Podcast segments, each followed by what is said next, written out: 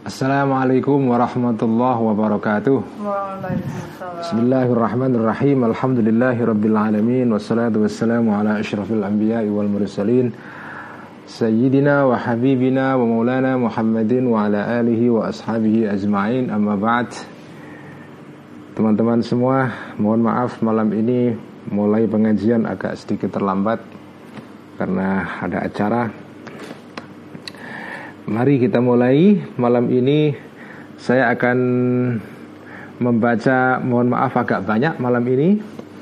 Uh, saya akan menghatamkan satu makalah di sini di kitab Himayatul Ganais kemudian nanti di ihya saya akan baca sampai akhir uh, apa bab ya sehingga besok malam sudah bisa masuk ke ke kitab yang baru atau bab yang baru dalam kitab Ihya ya. Mari kita mulai dengan membaca Al-Fatihah Kita hadiahkan kepada para penulis buku ini Himayatul Kanais fil Islam Dan kepada uh, orang-orang tua kita Ibu-ibu uh, kita Saudara kita, teman-teman kita Juga guru-guru kita Dan juga kepada para muassis Jamiyah Nahdlatul Ulama Dan muassis semua Jamiyah Islam yang lain para pendiri negara kita ila arwahim jami'an al-fatihah. A'udzu billahi minasyaitonir rajim bismillahirrahmanirrahim. Alhamdulillahi rabbil alamin. Arrahmanir rahim maliki yaumiddin iyyaka na'budu wa iyyaka nasta'in. Ihdinas siratal mustaqim. Siratal ladzina an'amta 'alaihim ghairil maghdubi 'alaihim waladdallin amin. Bismillahirrahmanirrahim. Qala al-muallif rahimahullahu ta'ala Wa nafa'ana bihi wa bi'ulumihi fid darini amin. Kita masuk ke kita mulai dengan kitab Himayatul Ganais fil Islam. Masuk ke makalah baru atau artikel baru ya dalam kitab Himayatul Ganais ini. Ini adalah artikel keempat kalau tidak salah ya.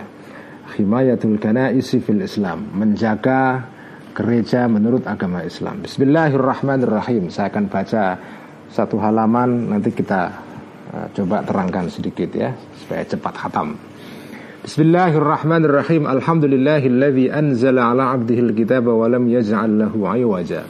Qayyiman liyunzira ba'san shadidan min ladunhu wa yubashshiral mu'minina alladhina ya'maluna as-salihati anna lahum ajran hasana. Ini mukadimah diambil dari uh, pembukaan dalam surat Al-Kahfi yang terkenal ya. Wassalatu wassalamu ala mab'uthi basyiran wa nadhiran wa da'iyan ila Allah bi idnihi wa azahal jahalata.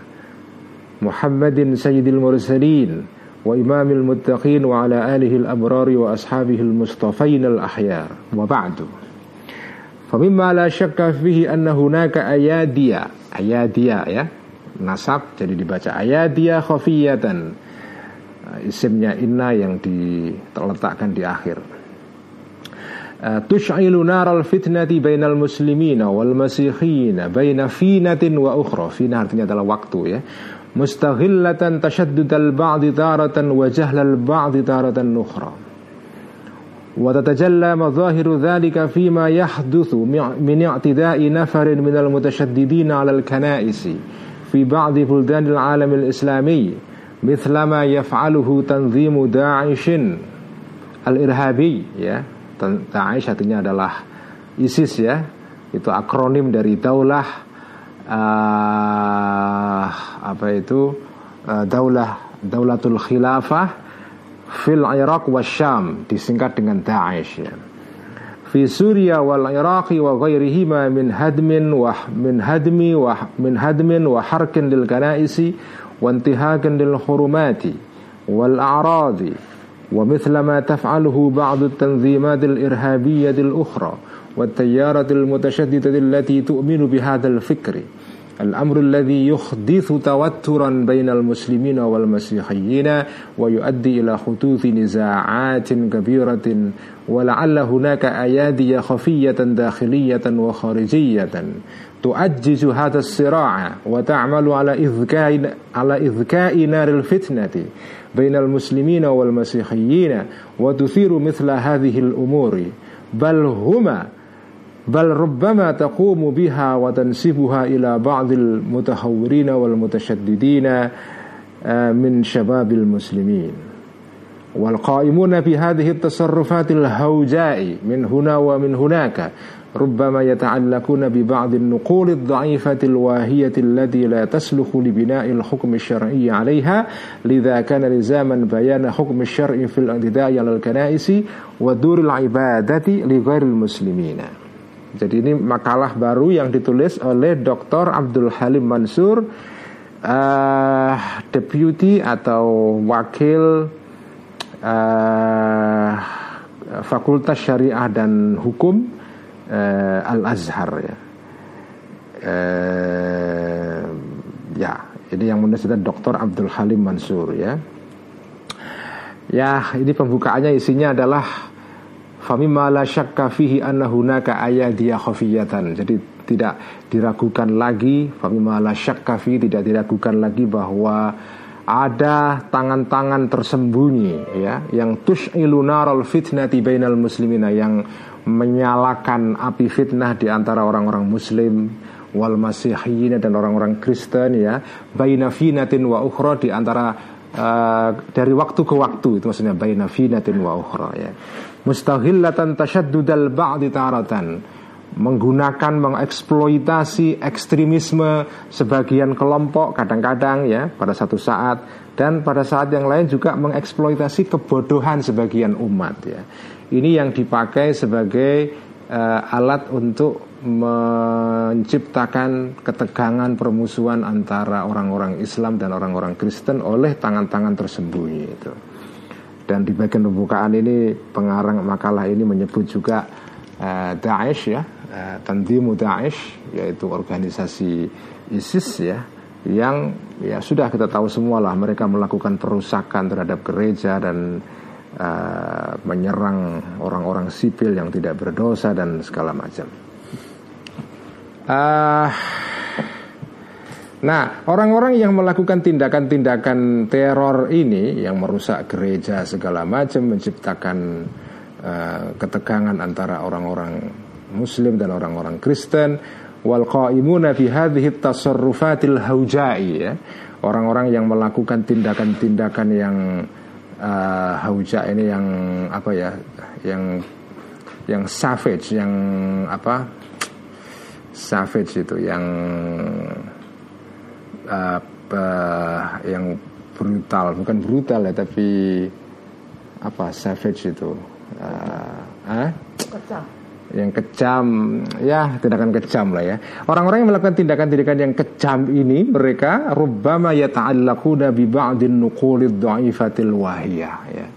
Mereka berpegangan kepada dalil-dalil keagamaan yang sebetulnya lemah itu. Kira-kira maknanya itulah ya. Oke kita teruskan. Wabidayatan ya Uh, dan pertama-tama maksudnya wabidayatan wabidayatan dan pertama-tama ya. Uh, firstly pertama-tama yumkinul qawlu ya. Pertama-tama ya kami mengucapkan syukur alhamdulillah itu maksudnya itu kayak gitu itu ya kayak pidato itu lah wabidayatan pertama-tama yumkinul qawlu.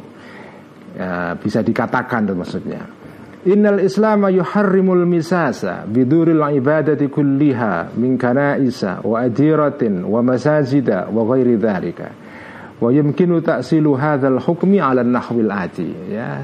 Pertama-tama ditegaskan bahwa Islam itu mengharamkan ya orang Islam siapa pun bukan hanya orang Islam siapa pun untuk mengganggu itu al-misas ya menyentuh maksudnya mengganggu rumah-rumah ibadah semuanya apa pun itu gereja uh, sinagog masjid dan yang lain-lain. Nah apa taksil itu artinya adalah dalil landasannya apa? Landasannya adalah ini awalan pertama.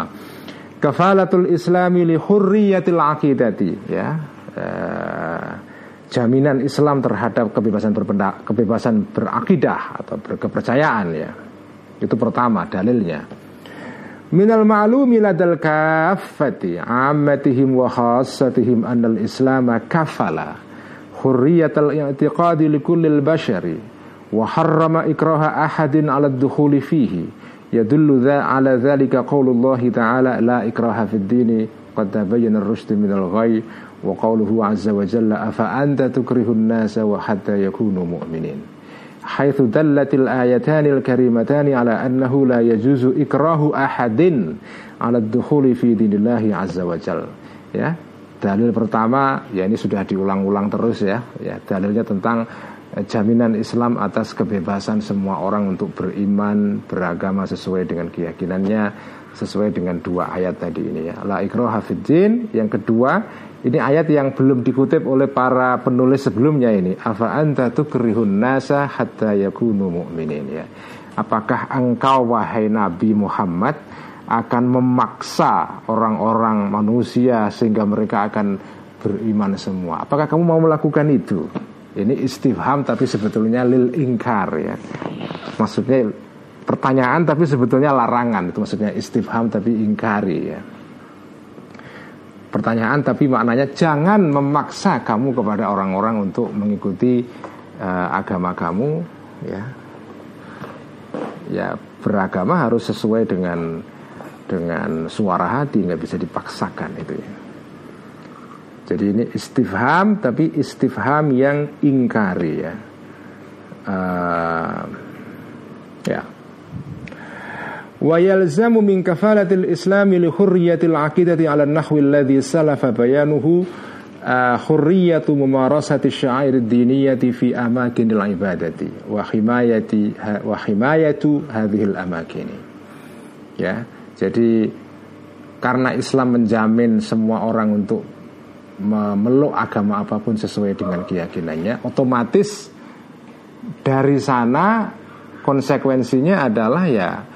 kalau kau menghormati semua orang untuk beriman sesuai dengan keyakinannya, ya kamu harus juga melindungi tempat ibadahnya. Karena kan nggak mungkin kamu memberi kebebasan orang untuk beragama, tapi kamu larang mereka beribadah sesuai dengan agamanya itu, itu nggak masuk akal. Ya.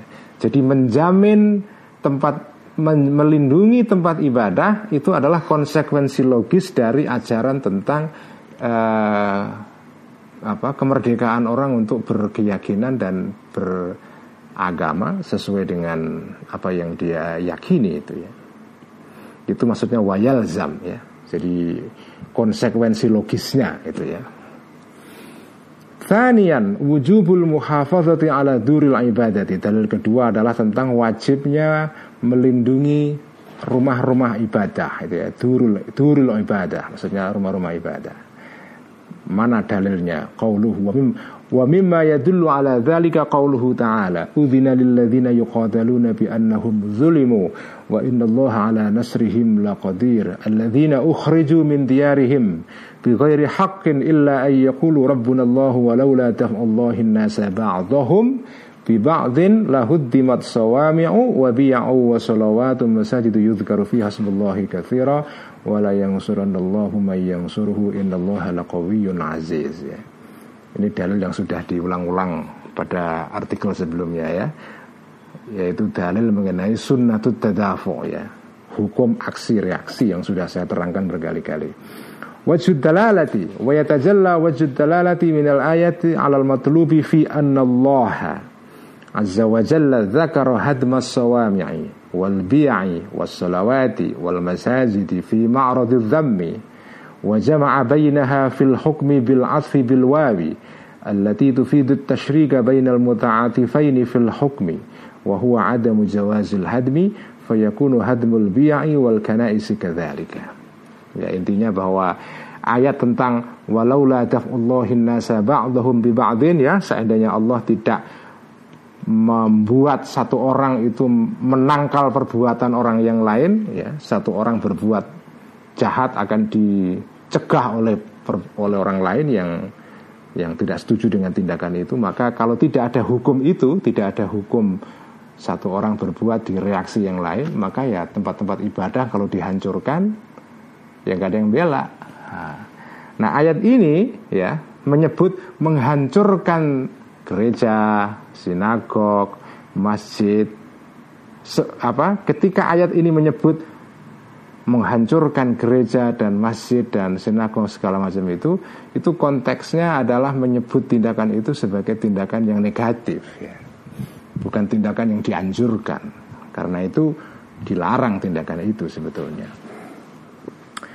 Dalil kedua ini hadis Nabi ya wa qauluhu alaihi salatu wassalam la darara wa la dirara ya. Ini hadis ini dalil yang tidak disebutkan oleh para pengarang sebelumnya ini baru pertama kali ini ya. Jadi dalil tentang tidak boleh mengganggu rumah ibadah orang lain adalah hadis ini. La darara wa la dirara. Tidak ada tidak tidak boleh ada uh, doror ada bahaya yang mengenai orang lain tidak boleh ya. Tidak boleh ada bahaya dibiarkan berlangsung.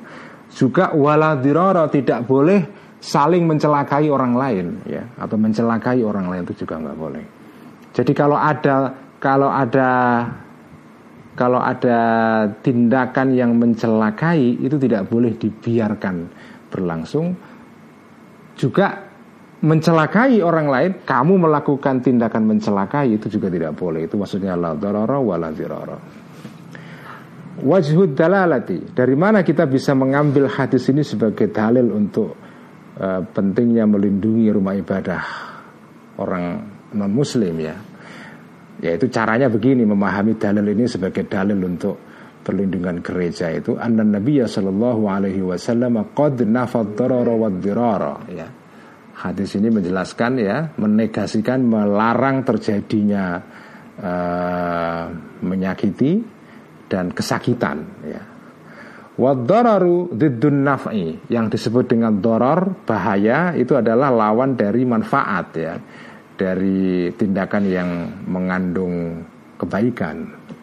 Yuqalu darrahu yadurruhu darran wa diraran wa adarra bihi yudirru idraran wa ma'nahu la yadurru rajulu akhahu fayankusuhu syai'an min haqqihi wa min dhalika khirmanuhu min makanin min makani ta'abbudihi fadzalika mimma yumathilu dararan alaihi la yajuzu bidalalati hadzal hadithi ya.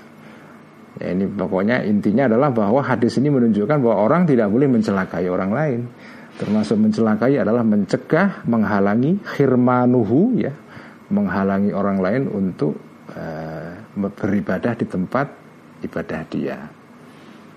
Itu cara memahami hadis ini sebagai dalil tentang tidak bolehnya mengganggu gereja ya. Ini hadis sebetulnya terkenal ya la dororo wala diroro. Tapi kok jarang yang mengutip hadis ini untuk melarang orang-orang mengganggu rumah ibadah orang lain. Ini ini saya kira penting ya makalah ini tulisan ini me, me, memuat satu informasi baru ini ya.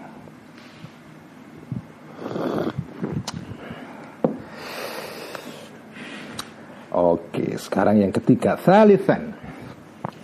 Al-wafa'u bil uhudi ma'a ghairil muslimina. Dalil ketiga adalah tentang wajibnya orang Islam memenuhi janji yang yang diteken ya dengan orang-orang non muslim.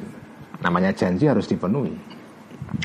Jaral amru min ladun Rasulillah sallallahu alaihi wasallam wa sahabatihi kirami ya. Uh, wattabi'ina min ba'dihim ila yaumina hadha ala adami ta'arrudi lil kanaisi bi'i ya. Bacanya wal bi'i artinya adalah uh, apa? sinagog ya, bukan wal bai'i kalau di, kalau di, di dibaca wal bai artinya jual beli ya. Kalau biai ya itu jamaknya kata biatun biya. Jadi dalil ketiga ini menyebutkan bahwa sejak kanjeng Nabi dan sahabat-sahabatnya dan para tabiin itu ada tradisi sampai sekarang ini yang ada satu eh, teladan ya yang sudah dimulai sejak kanjeng Nabi sampai generasi sesudahnya tentang tidak bolehnya uh, mengganggu at-ta'arrud ya, mengganggu lil kanais gereja dan juga wal dan sinagog milik orang Yahudi ya. Nah sekarang kalau ditanya, ya itu kan nggak boleh mengganggu gereja zaman kanjeng Nabi. Kalau sekarang boleh dong. Nah di sini diterangkan, falkana isul maujudatul ana fi daril islami kulluha la yajuzu antuhdam. Ya sama saja gereja sekarang maupun zaman kanjeng Nabi sama nggak boleh diganggu. Di annaha ingkanat fi amsarin qadimatin fala syakka anna sahabata aw tabi'ina haitu khina fatahul madinata alimu biha wa abqauha. Wa in kanat jadidatan famabnaha 'alal ittifaqi wa ta'ayushi. Ya. Jadi kalau jadi dibagi dua di sini. Kalau gereja itu sudah ada pada zaman kanjeng Nabi dulu dan para sahabat-sahabat tabiin, ya jelas gereja itu nggak boleh diganggu karena zaman itu pun juga nggak boleh di, nggak diganggu. Kita harus meneruskan tradisi itu. Nah kalau gereja itu baru muncul belakangan, misalnya sekarang ya, juga sama nggak boleh diganggu juga. Apa alasannya? Karena alasannya adalah uh, adanya prinsip orang Islam menaikkan perjanjian hidup bersama secara damai dengan orang-orang non-Muslim di sebuah negara. Ketika Anda hidup di sebuah negara, itu kan biasanya Anda punya kontrak sosial, ya, dalam bentuk undang-undang dasar, hukum dan segala macam. Itu namanya Anda atau kita sebagai orang Islam menaikkan janji bersama orang-orang non-Muslim. Namanya janji nggak boleh diingkari gitu ya. Itu itu prinsipnya ya eh, prinsip yang yang mendasari kenapa kita tidak boleh mengganggu tempat ibadah orang lain itu. Yadullu ala dhalika ma warada fi uqudil aman allati abramaha ar-rasul sallallahu alaihi wasallam wa khulafa'uhu min ba'dihi. Wa katsirun min as-sahabati min ta'mini ghairil muslimina ala dima'ihim wa amwalihim wa a'radihim wa bi'ihim wa kana'isihim wa adamil misasi biha aw hadmiha wa minha ma yali. Jadi apa kenapa kok perjanjian antara orang Islam dan non Muslim itu kok nggak boleh diingkari karena sejak kanjeng Nabi pun juga sama kalau kanjeng Nabi menaikkan perjanjian perdamaian dengan orang-orang non Muslim itu juga berdasarkan perjanjian itu kanjeng Nabi nggak akan mengganggu orang-orang non muslim termasuk rumah ibadahnya. Jadi konsep perjanjian ya uh, apa ya? Konsep uh, bukan konsep kontrak ya. Jadi sebetulnya konsep kontrak sosial yang dikenal dalam teori politik modern ya. Teorinya siapa? Uh, uh, apa itu? Rousseau ya, Rousseau. Seorang filosof Prancis itu kontra sosial itu sebetulnya dikenal juga dalam dalam tradisi politik Islam klasik ya. Jadi pada ya sebetulnya bukan zaman kanjeng Nabi saja sejak zaman dulu manusia itu kan pasti kalau kepengen hidup damai kan ya menaikkan kontrak dengan orang lain supaya nggak saling mengganggu kan. Itu ya wajar saja lah ya. Orang kalau mau hidup damai kan harus menaikkan perjanjian supaya nggak saling mengganggu perjanjian yang harus ditepati ya. Itu namanya akdul aman ya. E, kontrak untuk saling melindungi. Nah, kontrak keamanan maksudnya tidak boleh saling mengganggu. Kanjeng Nabi melakukan itu berkali-kali Para sahabat juga sama. Jadi ketika kita hidup di negara Indonesia Dalam era modern sekarang ini Kemudian kita mengakui keabsahan negara Indonesia, kemudian kita ikut pemilu, kita membayar pajak, kita ya itu semua kan itu pertanda bahwa kita ini sebetulnya tunduk kepada negara Indonesia. Nah, negara Indonesia itu kan negara yang didirikan dengan uh, prinsip ya melindungi semua orang. Itu kan janji kita. Jadi itu itu ketika kita ikut pemilu ya ngurus KTP uh, ikut bayar pajak segala macam itu sebetulnya secara implisit ya secara tersirat maupun tersurat kita itu menaikkan perjanjian di antara seluruh warga bangsa ini bahwa kita ingin hidup di Indonesia sebagai bangsa yang damai. Nah konsekuensi dari janji ini ya melindungi hak-hak orang lain, tempat ibadah orang lain dan semuanya itu itu harus dipenuhi janji itu. Nah itu praktek seperti itu itu sudah ada sejak zaman kanjeng Nabi. Jadi kita di Indonesia ini sebetulnya ya melakukan sesuatu yang dulu sudah pernah diteladankan oleh kanjeng Nabi juga itu. Wa minha ma yali termasuk salah satu perjanjian-perjanjian yang pernah di teken pada zaman kanjeng Nabi ya adalah ini. Awalan pertama, ahdun Nabi sallallahu alaihi wasallam ila Najrana ya perjanjian Nabi dengan orang-orang Kristen Najran di Yaman. An Ubaidillah bin Abi Humaidin an Abil Mulaihi al-Hudhali an Rasulullah sallallahu alaihi wasallam salaha ahla Najrana wa kadaba lahum kitaban. Ini Kanjeng Nabi pernah menaikkan uh, perjanjian dengan orang-orang Kristen Najran. Ini bunyi perjanjiannya. Bismillah, ini sudah kita baca sebelumnya juga ya. Bismillahirrahmanirrahim. Uh, Hadza ma kataba Muhammadun Rasulullah sallallahu alaihi wasallam li ahli Najrana. Idz kana lahu uh, hukmuhu alaihim walinajrana wa hashiyatiha zimmatullahi wa zimmatu rasulihi ala diyarihim wa amwalihim wa millatihim wa sullatihim wa biyaihim wa rohbanatihim. Uh, wa rohabi bukan wa rohabina ini ya wa rohbanatihim. Ada salah cetak itu. Wa rohbanatihim.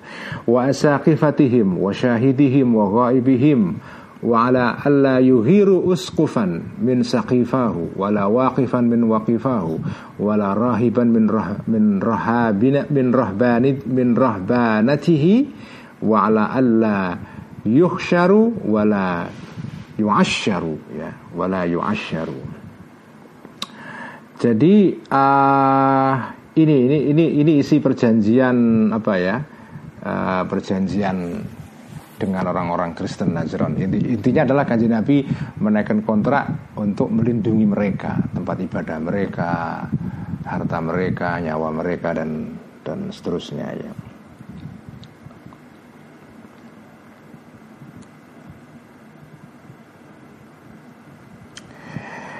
Uh, dalil kedua ya itu di ujung apa kontrak itu ada istilah yang menarik. Wa ala alla yuhsyaru ya.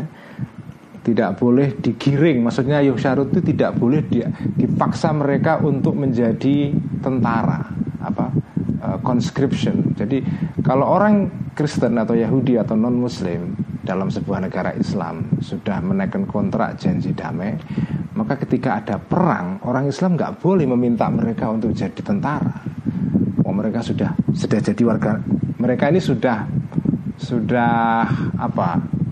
Membayar pajak untuk menjadi warga negara yang dilindungi di dalam negara Islam. Jadi nggak boleh mereka itu dipaksa untuk menjadi tentara. Itu namanya yuksharu di apa ya di giring dipaksa untuk ikut perang. Dimobilisasi ya untuk ikut perang. Itu yuksharu yuasharu artinya adalah harta mereka tidak boleh di eh, apa dirampas ya sebagai sebagai honimah dan kemudian dibagi per sepuluh itu namanya yu'asyaru dibagi per sepuluh maksudnya dirampas sebagai honimah nggak boleh wong mereka sudah menaikkan kontrak janji damai nggak boleh diganggu hak miliknya itu ya.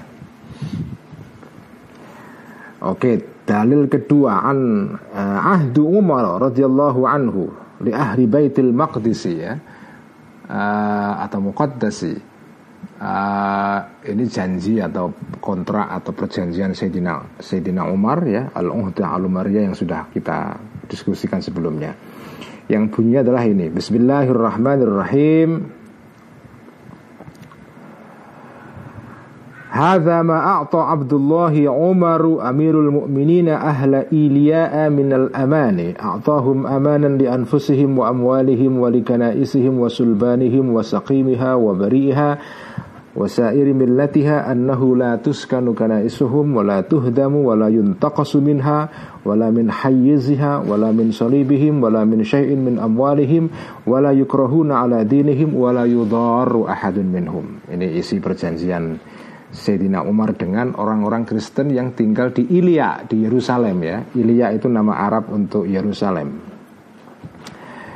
Ketiga, Auratul Yaqubi fi tarikhihi ya. Ini mengutip uh, satu data atau informasi dari sejarah uh, yang ditulis oleh Al Yaqubi salah satu sejarawan muslim di era uh, klasik ya Auratul Yaqubi fi tarihi al-uhdata bin nasil ati. Ini dalam sejarah yang ditulis oleh Al-Yaqubi ada teks perjanjian seperti ini. Bismillahirrahmanirrahim. Ini kok tulisannya selalu keliru nih. Bismillahirrahmanirrahim. Allahirrahmanirrahim ini ya salah cetak ya. Hadza kitabun katabahu Umar bin Al-Khattab li ahli Baitul Muqaddas innakum aminuna ala dimaikum wa amwalikum wa kanaisikum la tuskanu wa la tukharrabu illa an tuhdithu hadathan aman wa uh, wa ushidu syuhudan ya atau wa ashhada syuhudan wa ashhada syuhudan ini teks uh, perjanjian Umar uh, versi yang disebutkan dalam sejarah yang ditulis oleh Al Yaqubi agak sedikit beda teksnya dengan yang pertama tadi. Isinya sama sebenarnya. Keempat Rabi'an Maruya anna Umar bin anna Umar bin Abdul Aziz radhiyallahu anhu kataba ila ummalihi alla yahdimu bi'atan wala kanisatan wala baitanarin. Ini sudah kita sebutkan sebelumnya ya. Eh, surat yang dikirim oleh khalifah pada dinasti Umayyah yaitu Umar bin Abdul Aziz kepada para gubernur-gubernurnya ila, ila ummalihi ya tentang tidak boleh untuk merusak gereja dan sinagog dan rumah ibadah orang majusi ya. Wala bait e, baitanarin rumah api. Maksudnya api itu kan simbol apa ya tempat ibadahnya orang-orang majusi orang Zoroaster di Iran ya. Itu pun harus dilindungi juga gitu loh Wahada yadullu dalalatan wadihatan ala hurmatil misasi biduril ibadati li muslimina wa illa lam yakun li nabi wa sahabati ala ta'mini duri ibadati ghairil muslimina ayyu ma'nan idh kaifa yu'amminuhum 'alaiha thumma yujizu hadmaha wa semua perjanjian ini intinya adalah menunjukkan bahwa kanjeng Nabi dan para sahabat khalifah-khalifah sesudahnya itu menaikkan perjanjian dengan orang-orang Kristen untuk melindungi uh, gereja mereka. Nah kalau sudah menaikkan perjanjian untuk tidak mengganggu gereja mereka, kok mengganggu kan nggak boleh. Ya. Kalau Nabi sudah menaikkan perjanjian, artinya kan kita nggak boleh mengganggu orang-orang Kristen itu. Gitu. Apa gunanya Nabi menaikkan perjanjian kemudian uh, dirusak gerejanya? Itu artinya kan uh, lam yakun lahu ma'nan tadi ya disebutkan di sini ya. Rabi'an dalil keempat saddu dzara'il mafasidi yaitu uh, mencegah jalan yang menuju kepada kerusakan itu namanya saddu dzara' ya. Dzalika anna al-i'tida' ala ma'abidi ghairil muslimina wa intihaka hurmatiha dzari'atun lil i'tida'i ala masajidil muslimina.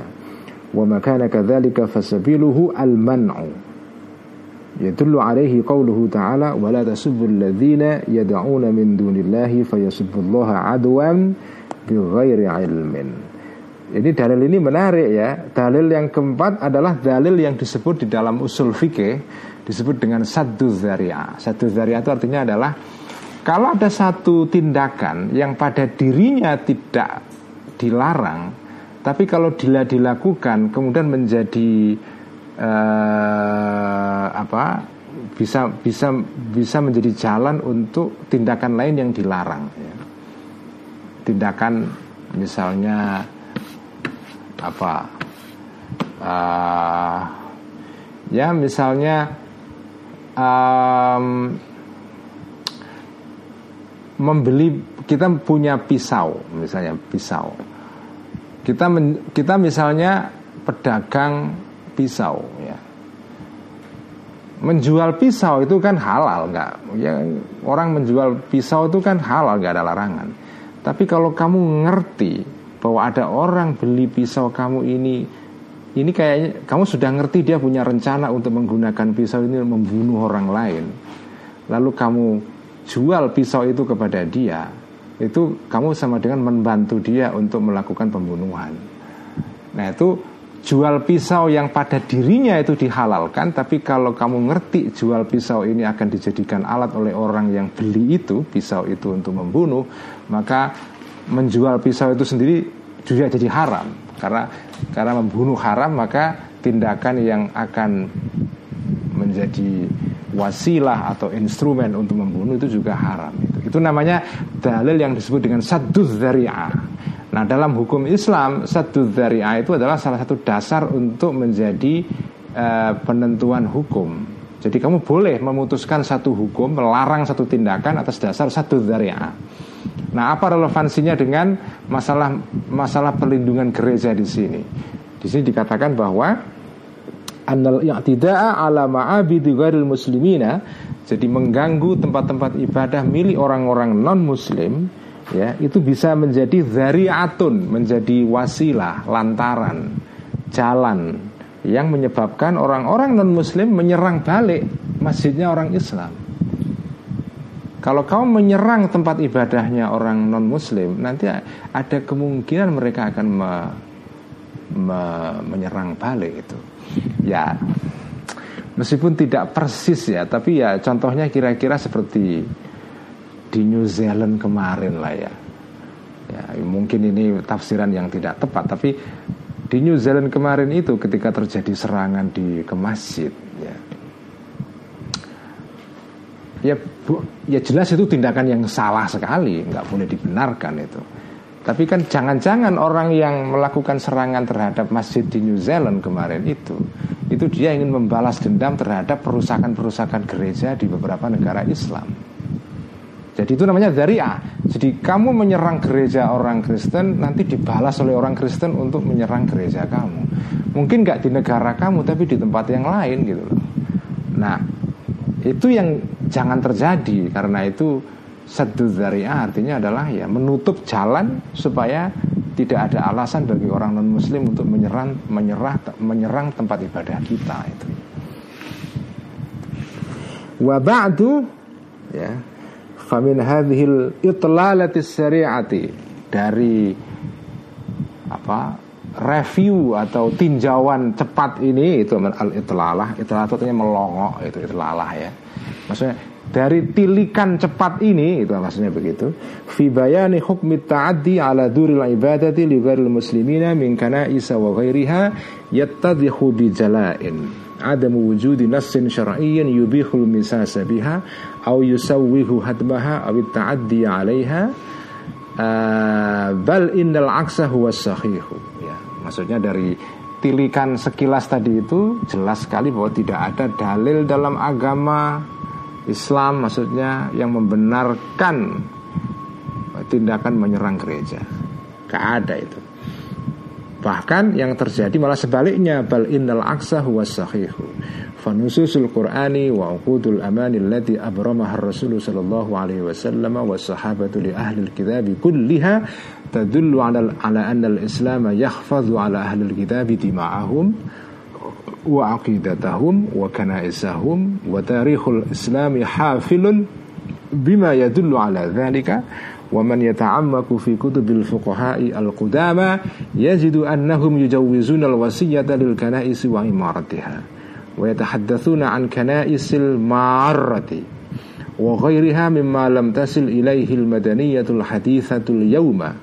ala fal ya'i al mutashaddiduna kulla hadha wal ya'udu ila wasatiyatil islamir rahbadi wa sadaqallahu al azim idh yaqulu inna fi dhalika la dhikra liman kana lahu qalbun aw al alqassam wa huwa syahid baik sekarang kita ganti ngaji ya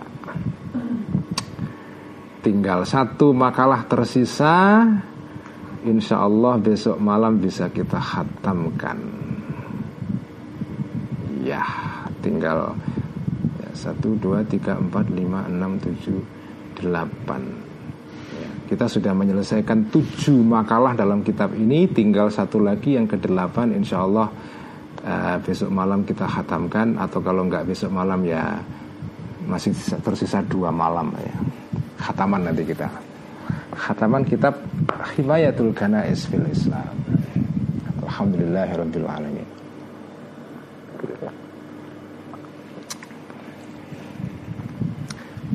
أعوذ بالله من الشيطان الرجيم بسم الله الرحمن الرحيم الحمد لله رب العالمين والصلاة والسلام على أشرف الأنبياء والمرسلين سيدنا مولانا محمد وعلى آله وأصحابه أجمعين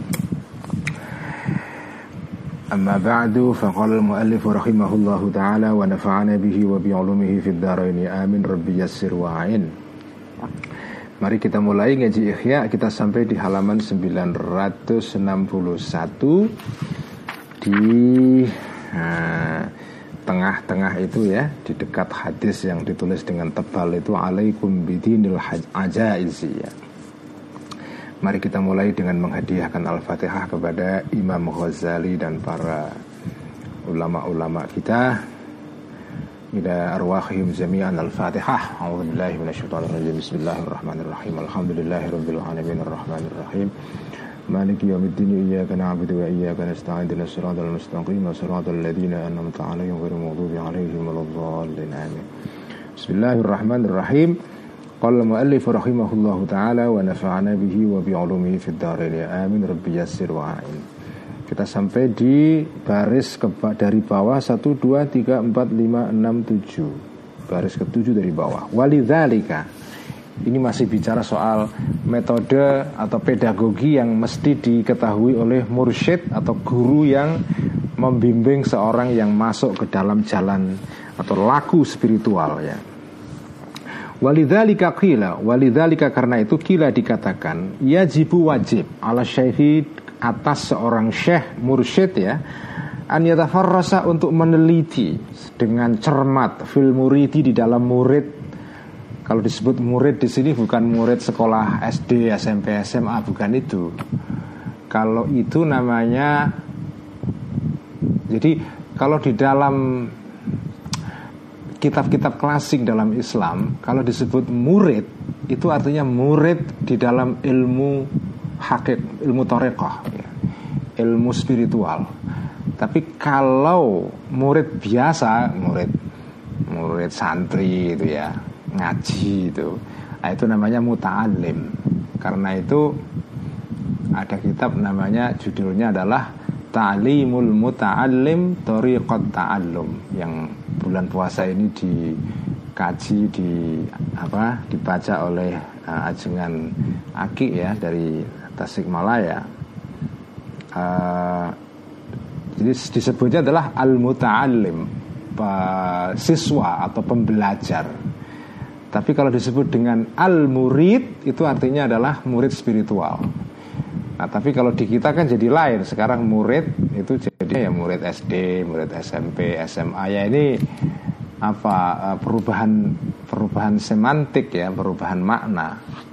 Tapi kalau makna aslinya al murid idza utliqal murid fal muradu bihi muridu uh, as-suluk ya. Jadi orang yang murid suluk, suluk torekot itu ya.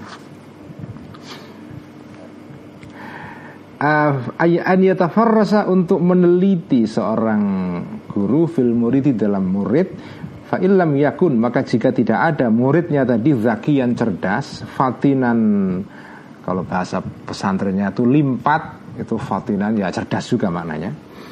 Mutamakinan mantap atau kokoh ya miniatika di miniatika di zahiri terhadap i'tiqad meyakini hal yang zahir artinya ya kemarin itu akidah yang dasar yang wajib diyakini oleh semua orang yang zahir. Maka kalau kalau apa itu muridnya itu adalah murid yang tidak cerdas ya intelijensinya itu sedang-sedang saja ya. Dan masih belum punya pengertian atau pemahaman akidah yang kokoh maka um, lam yashghalhu ya lam yashghalhu tidak tidak menyibukkan, tidak memberikan tugas syekh tadi hu kepada murid bizikri dengan zikir wal fikri dan berfikir ya. Jadi ya jangan dikasih tugas holwat yang terlalu banyak dan membaca buku, berpikir, berefleksi jangan. Lah lah ya kalau murid yang seperti itu ya ada tugasnya sendiri ya dan itu tidak jelek karena namanya manusia itu kan beda-beda tingkatannya. Asal masing-masing orang itu bekerja sesuai dengan tingkatannya itu semua baik ya. Nggak ada yang ini lebih tinggi ini enggak. Cuma ini pembagian tugas saja. Jadi kalau ada guru tahu muridnya kok tidak terlalu cerdas misalnya, kasih tugas yang lain. Apa itu misalnya? Bal yaruddu sebaliknya mengembalikan syekhu kepada murid ilal a'mali kepada amal-amal az-zahirati yang bersifat zahir lahiriah ya. Udah disuruh menjalani syariat yang biasa saja, sholat, puasa, uh, sedekah kalau mampu, melakukan tugas-tugas sosial, berbuat baik, tidak mengganggu tetangga, berkata-kata yang tidak menyakiti orang lain, ya menjadi manusia yang sewajarnya lah, itu kira-kira gitu ya. Nah ditambah ya ditambah wal aurati dan wirid-wirid al mutawatirati yang mutawatir aslinya yang di, diriwayatkan dari kancing Nabi. Ya. Jadi disuruh aja dia melakukan hal-hal yang syariat yang zahir, yang lahir, plus dikasih zikir-zikir yang di ada sanatnya dari Rasul ya. ya ada kan az, apa itu uh, azkarur Rasul itu kan ada ya. Banyak itu di Imam Nawawi nulis kitab khusus tentang zikir-zikirnya kanjeng Nabi itu ya, tentang wirid-wiridnya kanjeng Nabi Al-Azkar ya. Yang biasa di di ajarkan di pondok kalau dibaca di pondok kalau pas bulan puasa itu ya. Al azkar itu khusus kitab yang ditulis oleh Imam Nawawi. Imam Nawawi yang di Damaskus bukan Imam Nawawi Banten ya. Tentang berisi tentang zikir-zikir kanjeng Nabi. Au atau menyibukkan syekhu kepada murid bi khidmatil mutajarridina untuk melayani orang-orang yang tajarrud yang sedang uh, jungkung maksudnya konsentrasi lil fikri kepada berfikir ya. Litas malahu supaya me, supaya nyumrambahi maksudnya supaya uh, mengenai hu kepada murid tadi itu barokatuhum berkahnya orang-orang al mutajarridin tadi. Ya kalau enggak begitu disuruh melayani orang-orang yang khalwat supaya dia dapat berkahnya dan itu tugas yang mulia juga menjadi pelayan itu ya. Nah kemudian ini menarik. Al, Imam Ghazali memberikan contoh perbandingan ini. Fa innal ajiza. Karena sesungguhnya orang yang tidak mampu anil jihadi dari jihad fisofil kita di dalam barisan perang maka yang bagi seyogianya an yaski untuk memberi ya untuk memberikan minum al-ajiz tadi itu al-qauma para pasukan wa yata'ahada dan mengurus dawabahum terhadap uh, kendaraan mereka, kendaraan binatangnya mereka. Liyuhsyara supaya digiring, di di apa dibariskan uh, al-ajiz tadi orang yang tidak mampu tadi yaumal kiamati pada hari kiamat fi zumratim di dalam golongannya orang-orang yang jihad tadi itu wa ta'umma dan me, me, me, me, apa me, mengenai me, me, mencapai ya hu kepada seorang murid tadi itu barokatum berkahnya orang-orang yang jihad tadi itu. Wa ingkana walaupun ada layak bluh orang murid tadi layak bluhu tidak mencapai murid darajatahum terhadap darajatnya orang-orang yang jihad tadi itu. Jadi kalau ada orang, jadi ini padanannya adalah diberikan analogi oleh Imam Ghazali dengan orang dalam perang. Jadi kalau ada orang tidak mampu maju sebagai pasukan di barisan terdepan, ya dia kerja di belakang melayani para pasukan, ngurus kudanya para pasukan dan seterusnya sehingga nanti pada hari kiamat dia mendapatkan berkah di jadikan di, di, di ya digolongkan dalam satu barisan dengan orang-orang yang jihad itu itu. Jadi sama di sini kalau kamu tidak mampu khalwat seperti orang-orang yang punya kemampuan untuk itu ya kamu melayani mereka saja itu. Nah, guru wajib mengarahkan begitu. Jadi yang punya kemampuan diarahkan ke sana, yang tidak ya diarahkan ke sektor yang lain itu. Thumal muridu Kemudian seorang murid Al-mutajarridu yang fokus Yang jungkung Yang konsentrasi Zikri kepada zikir wal fikri Dan berfikir Berrefleksi Qad yaqta'u kadang-kadang mengganggu hu kepada seorang murid tadi itu khawati'u beberapa gangguan, distraksi kathiratun yang banyak minal ajab minal ujbi yaitu berupa sifat al ujbi itu umuk. Pak umuk itu ya sombong. Waria dan pamer, wal farohi dan bangga bima dengan pengalaman. Yang kasifu yang tersingkap pengalaman tadi lahu terhadap murid tadi minal ahwali berupa ahwal. Ahwal itu adalah kondisi atau pengalaman-pengalaman batin. Jadi seorang murid jadi gini orang yang tidak orang yang tidak mampu khalwat ya mereka kan punya tugas sendiri untuk melayani orang-orang yang khalwat dan orang yang khalwat khalwat sambil berpikir membaca buku merefleksi dan seterusnya.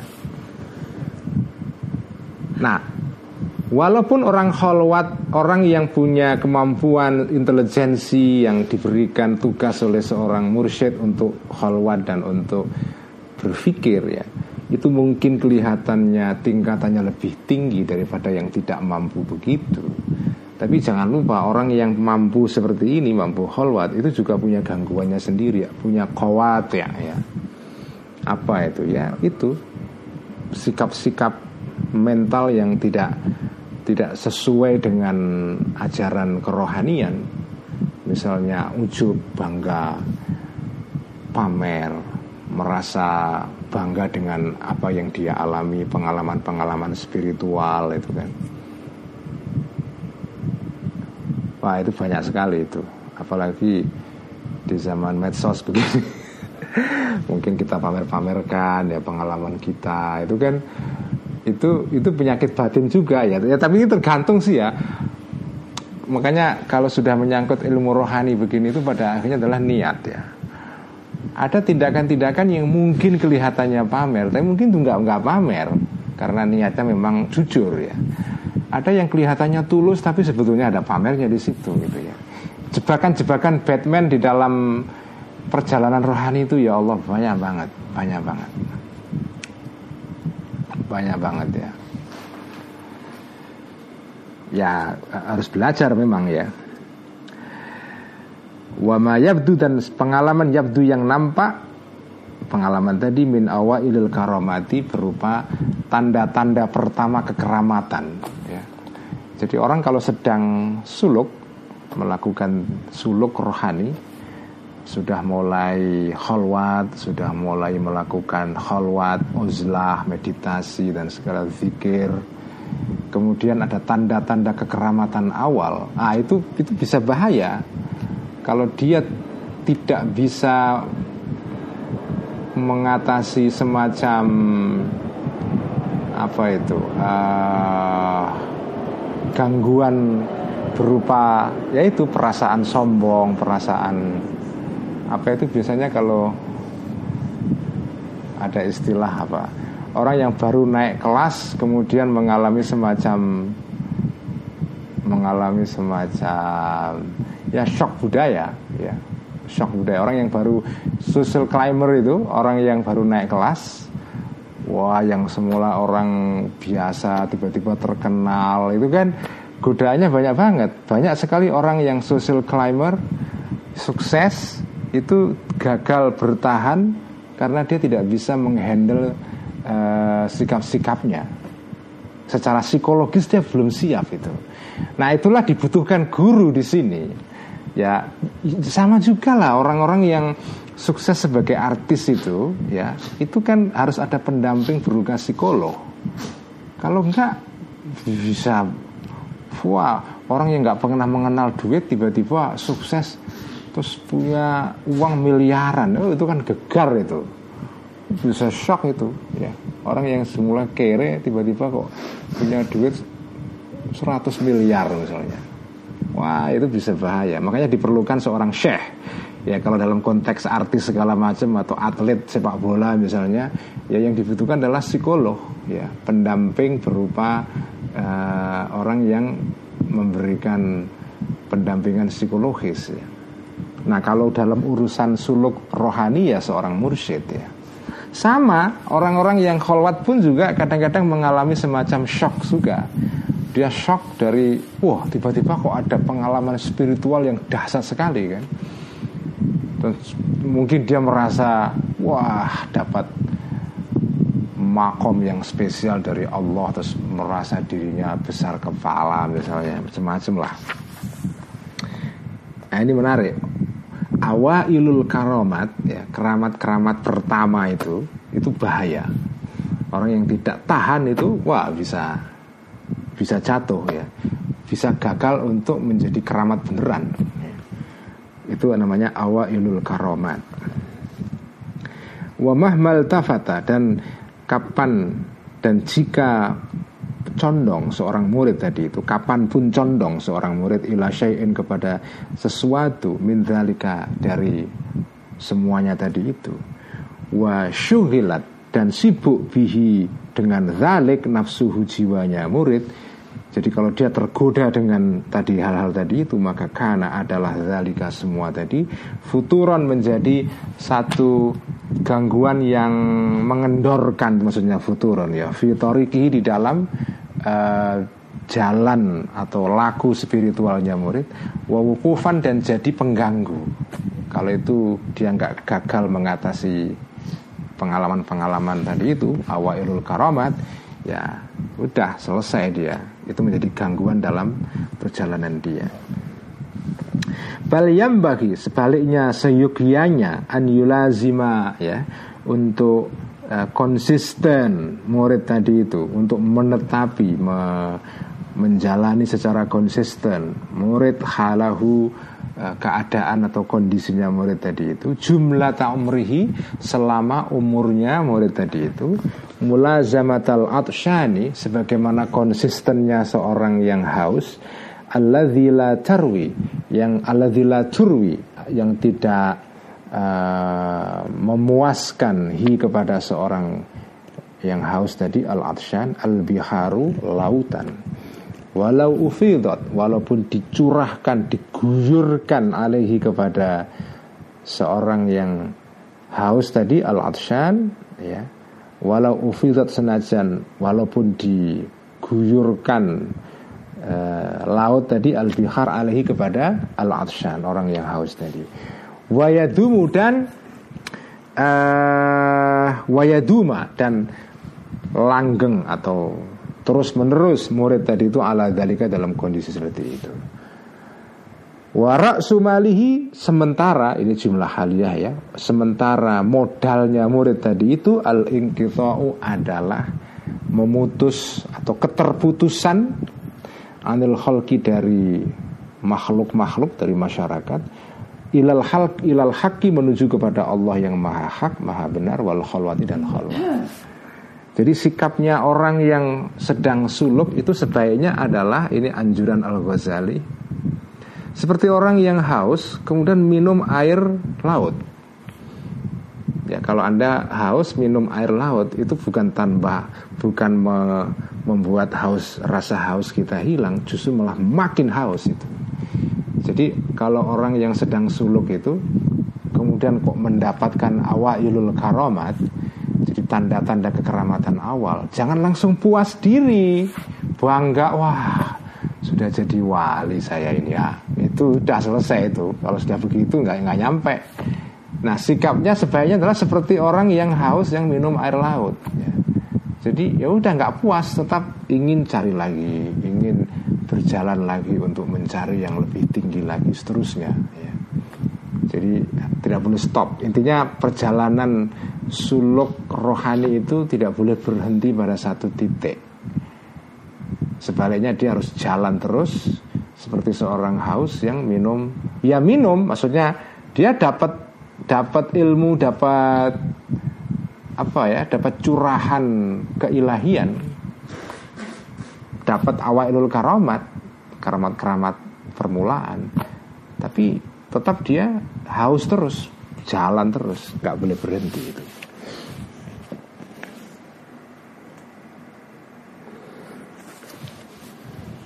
Kala berkata, ba'du sayyahina sebagian orang-orang pengelana, ya pengelana maksudnya di sini pengelana rohani karena memang tradisi nah ini bedanya perkembangan tarekat dalam sejarah Islam itu menarik kan? Uh, jadi dulu sebelum era tarekat itu kan muncul belakangan. Tarekat sebagai satu apa ya institusi sosial. Orang masuk torekot ada mursyidnya segala macam lalu muncul ada torekot qadiriyah ada naksabandiyah ada syadiliyah ada naksabandiyah khalidiyah ada akbariyah ada malamatiyah ada nikmatiyah macam-macam lah. Ada maulawiyah torekot kan tua ada tijaniyah ada rifaiyah macam-macam. Itu itu muncul sebetulnya setelah era al ghazali setelah abad kelima hijriyah ya. Baru muncul itu. Maksudnya terlembaga ya. Nah sebelum itu itu kan nggak ada tarekat itu tarekat sebelum itu adalah ada orang-orang sufi-sufi besar itu. Abu Yazid al Bustami Dunun al Masri ya Sahal at Tustari uh, apa itu Ibrahim bin Adham Ma'ruf al Karahi Fudel bin Iyad. Itu semuanya kan wali-wali besar ya sebelum era al Ghazali Nah sebelum itu yang ada itu adalah seorang pelaku tasawuf itu adalah orang-orang yang cirinya adalah melakukan travel, jalan terus itu. Jadi pada era itu orang yang disebut dengan pelaku tasawuf itu cirinya adalah mereka nggak pernah diam di sebuah tempat. Mereka jalan, jalan kaki ya ada jalan kaki ada naik keledai ya. Tapi intinya adalah dia hidupnya itu adalah tidak pernah menetap di satu tempat.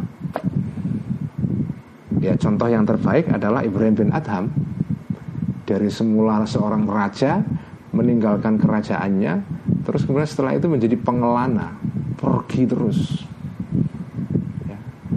makanya disebut dengan asayahin pengelana ya itinerant ya orang yang jalan-jalan ya nah orang-orang tasawuf yang traveler ini jalan-jalan ini sebetulnya mereka tidak jauh berbeda dengan para ulama-ulama syariat. Jadi pada era itu itu itu menarik sekali kalau kalau kita pelajari sejarah Islam klasik ya. Pada era Imam Syafi'i, Imam uh, apa itu Imam Ahmad bin Hambal, uh, yaitu era-era pada abad 2, 3, 4, 5 Hijriah ya. Itu era orang itu kalau cari ilmu itu dari negara ke negara Makanya ada orang itu misalnya Imam Bukhari itu gurunya itu bisa ribuan. Karena dia jalan dari tempat ke tempat satu ke tempat yang lain. Karena dia traveling. Apa itu? Untuk mencari ilmu. Nah kalau Sufi juga sama Traveling jalan-jalan terus. Seperti kisahnya Maulana Rumi ya. Maulana Rumi itu kan gurunya Syamsuddin Tabrizi Itu orang yang jalan-jalan nggak pernah menetap di sebuah tempat ya menetap pergi lagi menetap pergi lagi itu nah setelah tarekat muncul kemudian orang yang mau melakukan apa ya melakukan ini uh, suluk ini atau ikut uh, mencari masuk dalam torekot mencari ilmu uh, hakikat ya. Itu kemudian pelan-pelan cenderung menetap di sebuah tempat Begitu dia ikut torekot A, B, C Maka tinggal di sebuah tempat itu. Dan dan cenderung biasanya sudah tidak traveling lagi. Makanya tradisi siyahah itu se sekarang ini nyaris sudah sudah punah. Orang jalan-jalan padahal sekarang transportasi lebih gampang loh ya. Zaman Ibrahim bin Adham itu nyaris orang jalan-jalan ke, ke, ke dari tempat ke tempat itu untuk nyari ilmu torekot ilmu hakikat ya untuk melakukan laku rohani. Itu jalan harafiah jalan kaki. Ribuan meter. Ya. Dari tempat ke tempat dengan apa stok makanan yang nggak jelas ya. Betul-betul itu. Ya kalau sekarang mungkin seperti seperti pendeta-pendeta Buddha ya eh, biku-biku itu biku atau bikuni yang kalau kita ke Thailand itu masih sering kita lihat kan orang-orang biku-biku Buddha itu itu kan jalan di pinggir jalan. Ya, tiga empat lima orang. Makannya ya apa pun yang dia peroleh dari sedekah orang itulah yang dimakan pada hari itu. Itu persis seperti yang dilakukan oleh para eh, tokoh-tokoh sufi besar sebelum abad kelima hijriah. Yang tradisinya adalah siyahah. Ya, traveling spiritual traveling karena itu mereka disebut sebagai asayahun ya orang yang banyak melakukan traveling itu. Kala berkata Ba'du sayyahina sebagian orang-orang yang suka melakukan perjalanan spiritual. Petualang spiritual itu asayahin Namanya nggak jelas siapa Ini kan kisah saja. Disebutkan oleh Imam Ghazali sebagai contoh saja. Kultu berkata aku ya. Maksudnya ini Petualang sufi ini Liba'dil abdali kepada sebagian wali abdal ya. Sudah pernah saya terangkan Wali abdal itu wali yang ya bisa dimaknai wali yang ketika dia meninggal langsung ada gantinya ya badal ganti atau dia menjadi ganti dari kanjeng nabi dalam ilmu spiritual ya jumlahnya sebagian hadis menyebutkan setiap zaman itu selalu ada 40 wali abdal. Wakila ada 30 wakila 7 ya. Ya beda-beda. Tapi intinya setiap zaman itu ada 40 wali yang ada yang kelihatan, ada yang tak kelihatan, ada yang sembunyi, yang itu merupakan semacam sokok gurunya bumi ini. Supaya enggak supaya enggak goncang ya. Kultu mengatakan aku li ba'dil abdali kepada sebagian wali-wali abdal al munqati'ina yang terputus anil kholki dari masyarakat ramai karena dia kholwat ya. Aku bertanya kepada wali abdal Kaifa, bagaimana atoriku jalan ila tahkiki menuju kepada penyaksian ilmu kasunyatan Ilmu hakikat itu tahkik maksudnya ya? Bagaimana cara mencapai kasyaf ya? Ketersingkapan hijab itu Nah fakola maka berkata Seorang wali abdal ini Resepnya adalah ini Antakuna ada engkau Fit dunia di dunia ini Ka'annaka sepertinya engkau abiru torikin seperti orang yang lewat saja. Ya. Kadi kadio wong sing sak dermo mam, apa, uh, mampir ngombe itu kalau dalam filosofi Jawa. Jadi bersikaplah kamu di dunia ini seperti orang yang sekedar hanya lewat saja. Jangan menjadikan dunia ini sebagai a permanent residence ya, tempat permanen, tempat yang selamanya itu. Sebetulnya ini juga bisa dipakai untuk ilmu keduniaan juga kan. Kalau Anda ingin mencapai prestasi yang terbaik, maka jangan menganggap apa yang kau capai sekarang ini itu sebagai capaian final.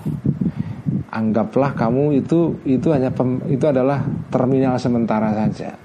Sebenarnya ini bukan hanya ilmu torekot atau ilmu suluk rohani ya, ilmu ilmu duniawi juga sama ya kalau kamu ingin sukses di dalam keduniaan sama hendaknya kamu punya mindset dalam setiap achievement kamu dalam setiap pencapaian kamu di satu tingkatan itu itu kamu anggap sebagai terminal sementara.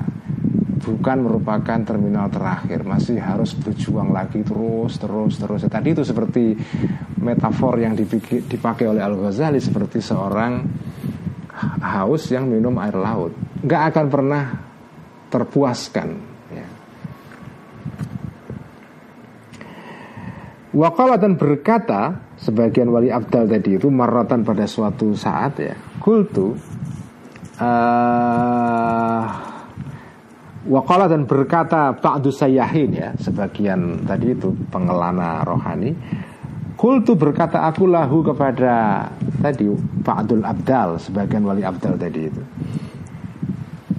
Dulla, dullani, dullani, tunjukkan aku dulla, tunjukkan aku ya. Ini kepadaku, kepadaku maksudnya aku tadi pengelana spiritual ala amalin terhadap satu tindakan azidu yang menjumpai aku kolbi hatiku fihi di dalam amal ini ma'allahi berserta Allah Ta'ala ala dawami selamanya Jadi orang tadi bertanya kepada wali abdal tersebut Tunjukkan aku kepada satu amalan yang membuat aku merasa terus bersama Allah ya. Faqala maka berkata Fa'adul abdali kepadaku. Sebagai jawaban Resepnya apa? Ah, resepnya ini. La tanzur ilal khalqi. Ini ini berat ini ya. Fa inna nazara ilaihim zulmatun. La tanzur jangan melihat engkau ilal khalqi kepada orang-orang. Fa inna nazara karena sesungguhnya melihat ilaihim kepada orang-orang zulmatun itu sumbernya kegelapan Jadi resepnya supaya kamu terus merasa bersama Allah lah, kamu jangan melihat orang. Karena melihat orang itu bikin bikin pusing ya bikin, menyebabkan kegelapan rohani pada diri kita. Apalagi kalau baca status orang-orang yang nggak jelas, wah udah gelap rohani kita itu ya. Jadi kamu jangan terlalu disibukkan melihat orang lain. Karena melihat manusia, kalau kamu tidak punya kemampuan rohani untuk melindungi dirimu dari pengaruh sosial itu, melihat orang itu bisa menimbulkan kegelapan hati. Sudah nggak usah lihat aja itu sekalian maksudnya ya. Nah, tapi mana mungkin nggak mungkin nggak melihat orang kan nggak bisa. Kalau berkata ba'du saya tadi. La Buddha tidak bisa tidak li bagiku mindarika dari melihat orang itu. Saya nggak bisa guru. Gimana caranya? Masa nggak boleh melihat orang gitu kan?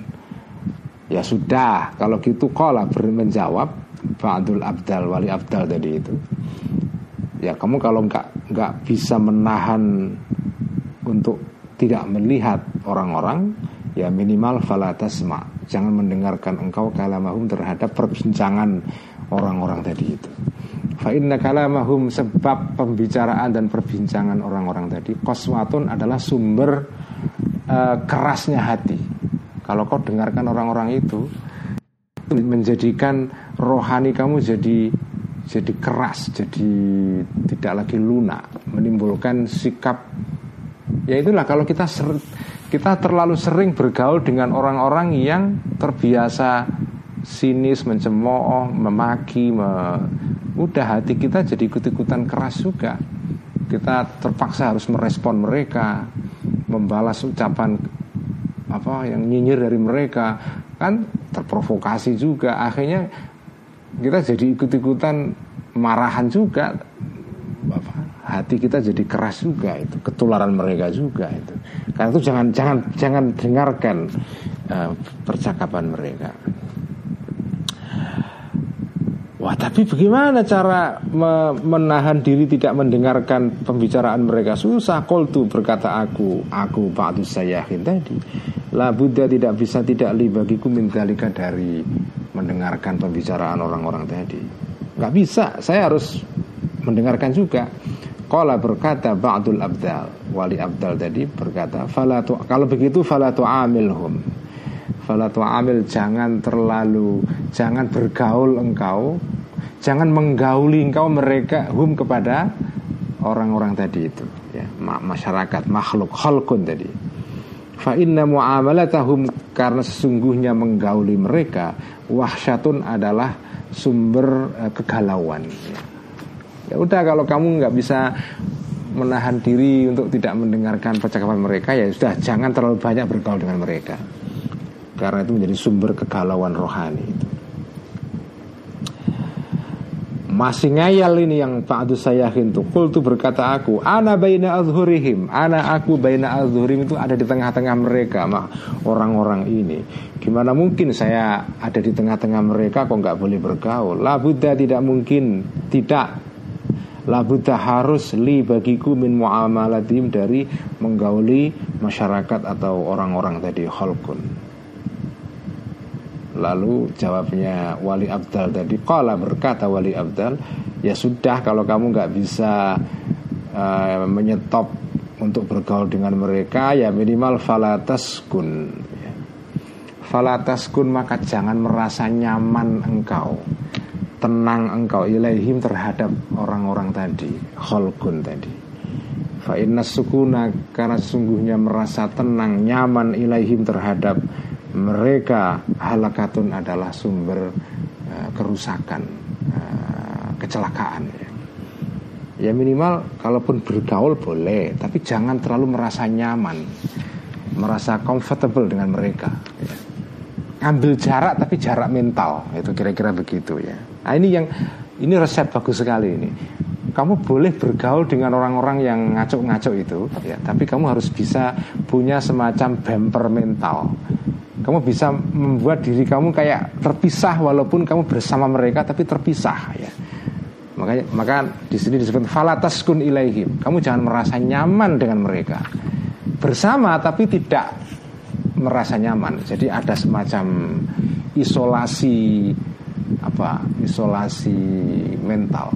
Kamu terpisah ya. Bareng tapi tidak bareng itu ya. Bersama tapi tidak bersama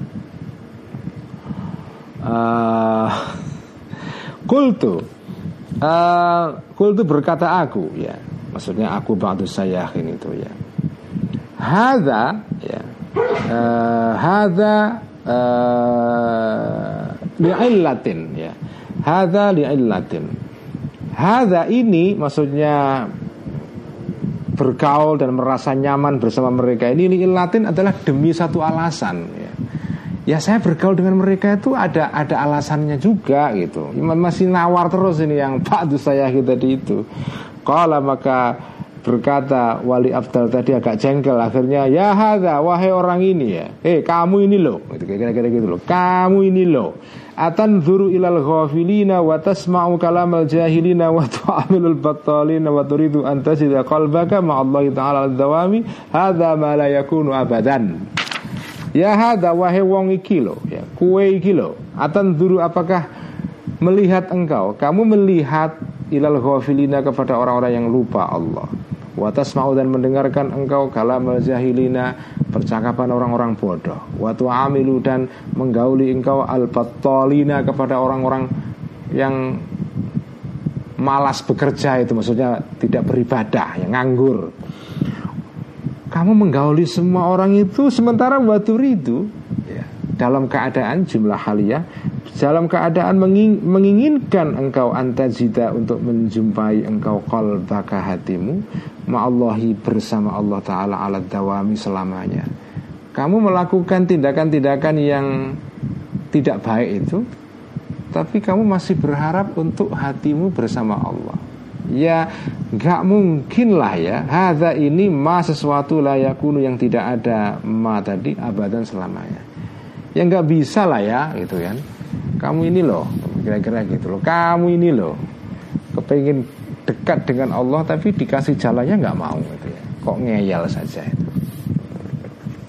Ya ini mungkin Ba'du yakin yang masih tingkat ibtidaiyah ya Pak ya. Masih belajar Dikandani masih ngeyel gitu ya Faidan maka dengan demikian ya.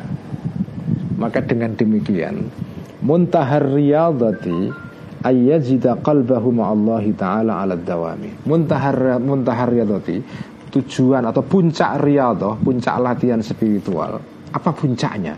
An yazida adalah menjumpai seorang murid qalbahu terhadap hatinya murid ma'allahi bersama Allah taala ala dawami selama-lamanya kalau kita sudah bisa merasakan kita ini mengalami satu sikap ya, selamanya kita merasa Allah itu hadir terus bersama kita, hal itu sudah sampai kita di puncak.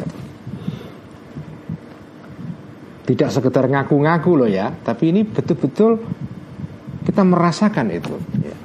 Nggak mudah ini, nggak mudah. Ini, kita baca begini mudah, tapi mempraktekkan susah ya.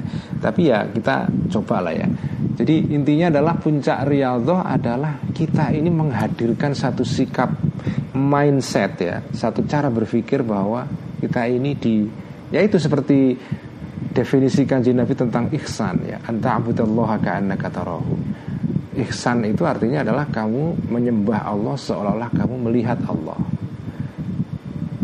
Itu yang paling tinggi, ihsan paling tinggi. Kalau kamu tidak bisa melihat Allah ya minimal ihsan yang tingkat kedua yaitu fa'ilam takun tarahu fa'innahu yaraka. Kamu kalau tidak bisa merasa melihat Allah, maka kamu harus merasa kamu dilihat oleh Allah itu. Nah, jadi ada perasaan kamu ini, ada sikap mental, ada satu apa eh, pengalaman di mana kamu merasa Allah selalu hadir bersama kamu. Itu yang oleh Muhammad Asad penulis tafsir orang Yahudi yang masuk Islam dari Austria itu disebut sebagai God consciousness ya. kesadaran tentang kehadiran Tuhan ya.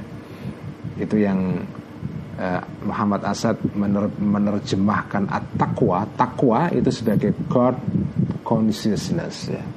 Kesadaran tentang Tuhan yang hadir terus bersama kita itu. Nah, itulah puncak riyadhah itu.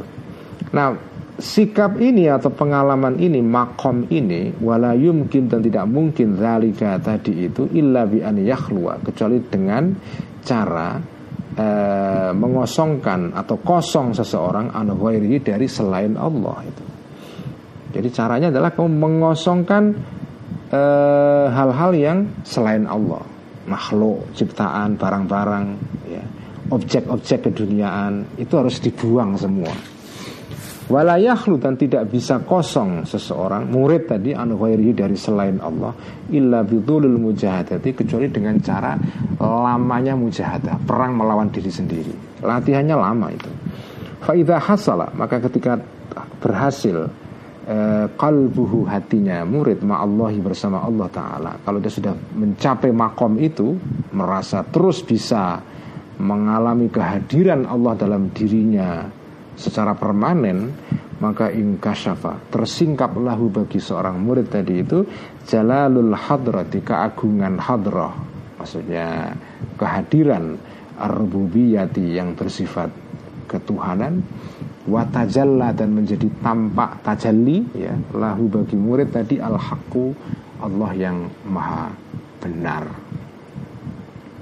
Kalau sudah sampai pada makom kita merasa hadir terus bersama Allah maka itu nanti kita akan mengalami pengalaman yang disebut dengan kasyaf gitu ya. Tersingkap rahasia-rahasia itu. Ya yang orang yang nggak pernah mengalami ini ya diceritai begini ya hanya bisa membayang-bayangkan saja atau bahkan mungkin sinis apa betul ada kayak gitu itu ya ya kalau kamu nggak pernah ngalami ya ya nggak bisa mem, me, membenarkan perkataan Al Ghazali ini. Tapi orang-orang yang sudah pernah mengalami ini, ya akan tahu bahwa apa yang dikatakan Al Ghazali ini betul-betul ada. Ya, orang yang sudah mengalami makom itu tadi eh, kehadiran Tuhan secara permanen itu, dia akan mengalami kasyaf itu. Wa dan menjadi tampak lahu bagi murid tadi min lataifillahi taala dari kelembutan-kelembutan atau nikmat-nikmatnya Allah taala. Ma nikmat-nikmat la yajuzu yang tidak mungkin an yusofa untuk dideskripsikan, disifati, digambarkan ma tadi. Bal sebaliknya la itu tidak bisa meliputi bihi terhadap ma atau pengalaman tadi nikmat-nikmat tadi al wasfu gambaran deskripsi aslan sama sekali. Orang yang sudah mengalami makom puncak riyadhah mengalami kehadiran Tuhan terus-menerus dan mengalami enlightenment apa pencerahan seperti Buddha Gautama ya mengalami pencerahan kasyaf itu. Orang kalau sudah sampai ke, ke level itu maka dia akan mendapatkan nikmat latoif ya. Ilmu-ilmu yang lembut berasal dari Allah yang nggak mungkin itu dideskripsikan ya. Susah. Saking saking apa rahasianya ilmu ini. Jadi bahasa manusia tidak tidak bisa menggambarkannya itu ya.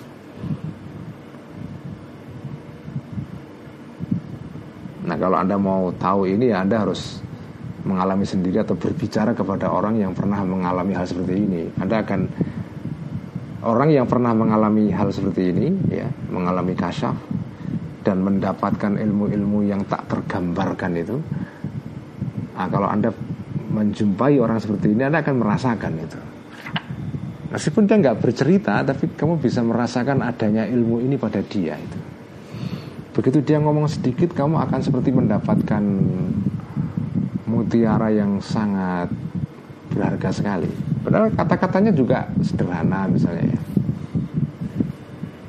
Wa dan ketika tersingkap lil muridi kepada murid spiritual ya murid murid murid ilmu ilmu batin syai'un sesuatu min dari lataif tadi maka fa'azamul qawati maka gangguan-gangguan terbesar alaihi kepada orang murid yang seperti ini. Kalau murid sudah mengalami kasyaf, ini penting sekali ilmu ini ya.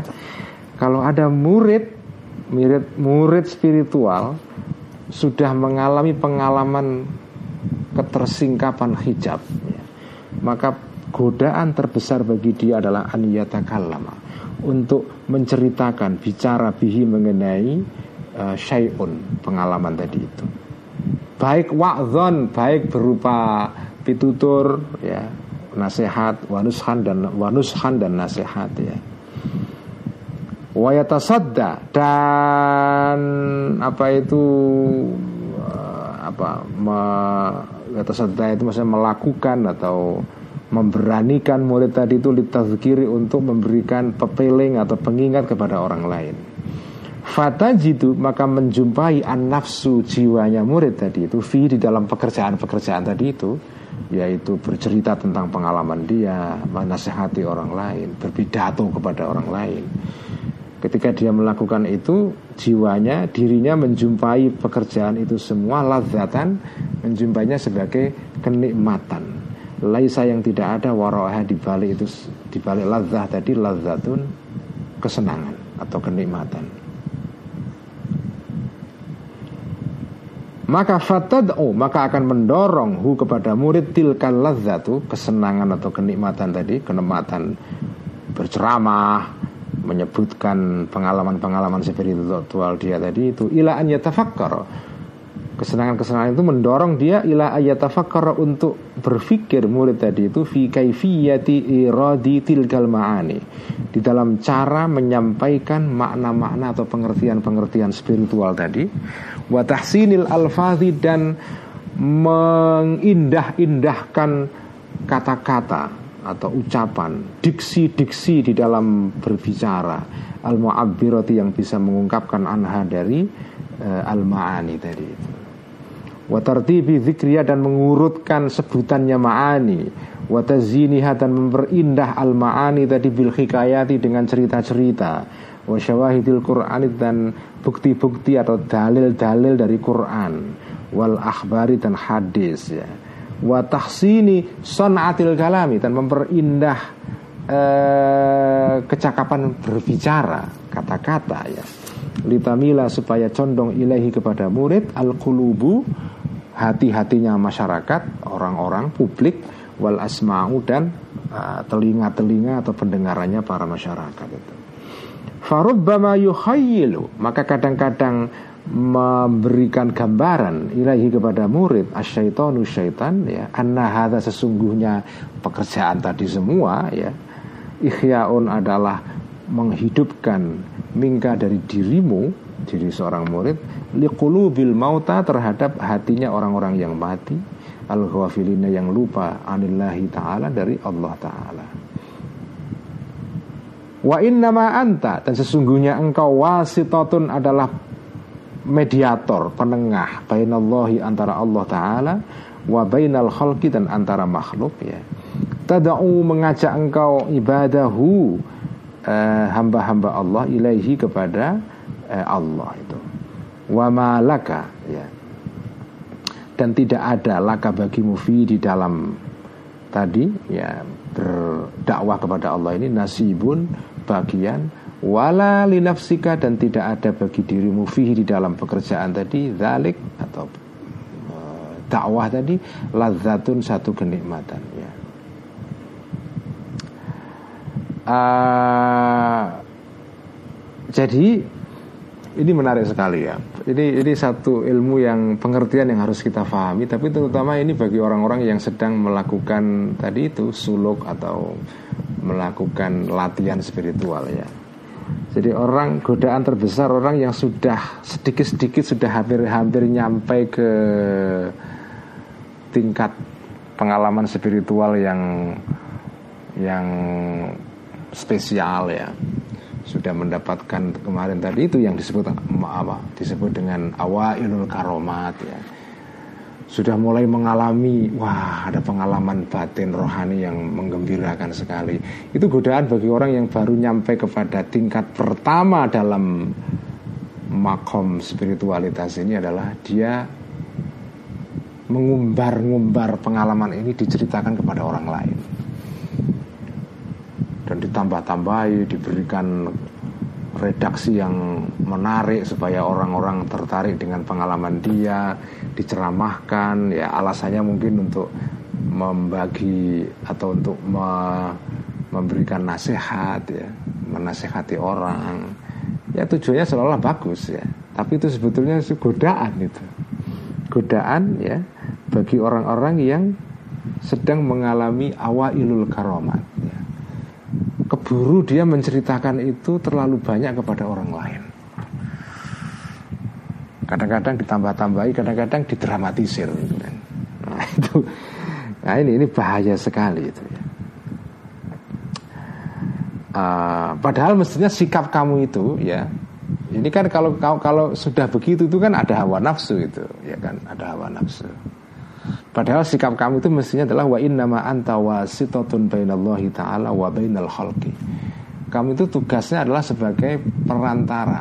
Seperti nabi itu loh, perantara antara Allah dan makhluk itu. Ya, ya memang kamu disuruh untuk uh, mendakwai orang, menceramai orang, mengajak orang kepada kebaikan ya. Tapi kalau kamu dan tidak boleh karena kamu tugasnya hanya kayak tukang pos saja perantara itu. Kamu jangan sampai membiarkan dirimu merasakan kenikmatan dari tindakan itu sehingga akhirnya kalau itu sudah menyangkut hawa nafsu kenikmatan hawa nafsu itu berbahaya. Jadi orang yang tadi itu menceritakan pengalaman-pengalaman spiritualnya kepada orang lain entah itu untuk tujuan ceramah nasihat itu kalau dia itu keliru ya keliru niatnya keliru lakunya ya. Kemudian kelirunya gimana? Kelirunya adalah ketika dia melakukan itu semua dia menikmati itu semua.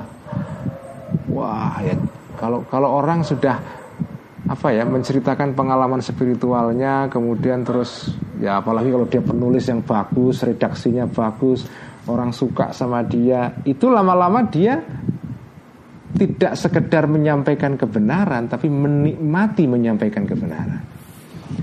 Lazah, tadi sebutkan lazah itu. Kalau kamu menikmati itu seolah-olah itu adalah pekerjaan yang datang dari dirimu. Nah, itu sudah mulai di situ ada hawa nafsu. Jadi, wah ini memang berat sekali ya ilmu ihya ini. Uh, jadi ah, orang itu menyampaikan kebenaran kepada orang lain itu juga bisa berubah menjadi hawa nafsu. Ketika ketika kamu menyampaikan kebenaran kepada orang lain terus kamu merasa menikmati itu, apalagi merasa karena kamu menyampaikan kebenaran kamu merasa lebih tinggi daripada orang-orang lain karena kamu sebagai orang yang menunjukkan orang lain kepada kebenaran. Kamu terus merasa bangga itu, menikmati itu ya. Nah kalau sudah begitu, nah itu yang rusak itu, itu bahaya itu. Kamu boleh menjadi penyampai kebenaran, tapi jangan menikmati itu sebagai lazatun, kenikmatan yang menyangkut hawa nafsu.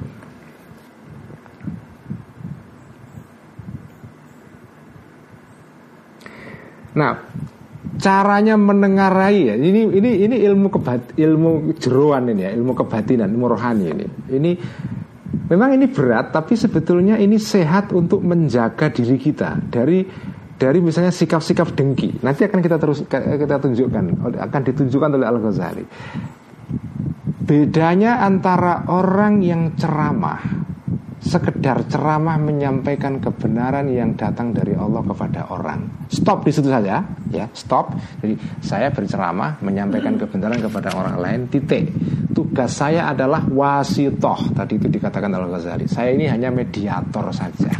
Saya penyampai kebenaran yang diberikan oleh Allah kepada saya berupa ilmu-ilmu kerohanian itu saya sampaikan. Stop di situ stop, stop ya antara orang yang seperti ini dengan orang yang setelah mendapatkan ilmu-ilmu ketuhanan disampaikan kepada orang lain sebagai pitutur mau itu tapi seraya dengan itu dia menikmati pekerjaan itu.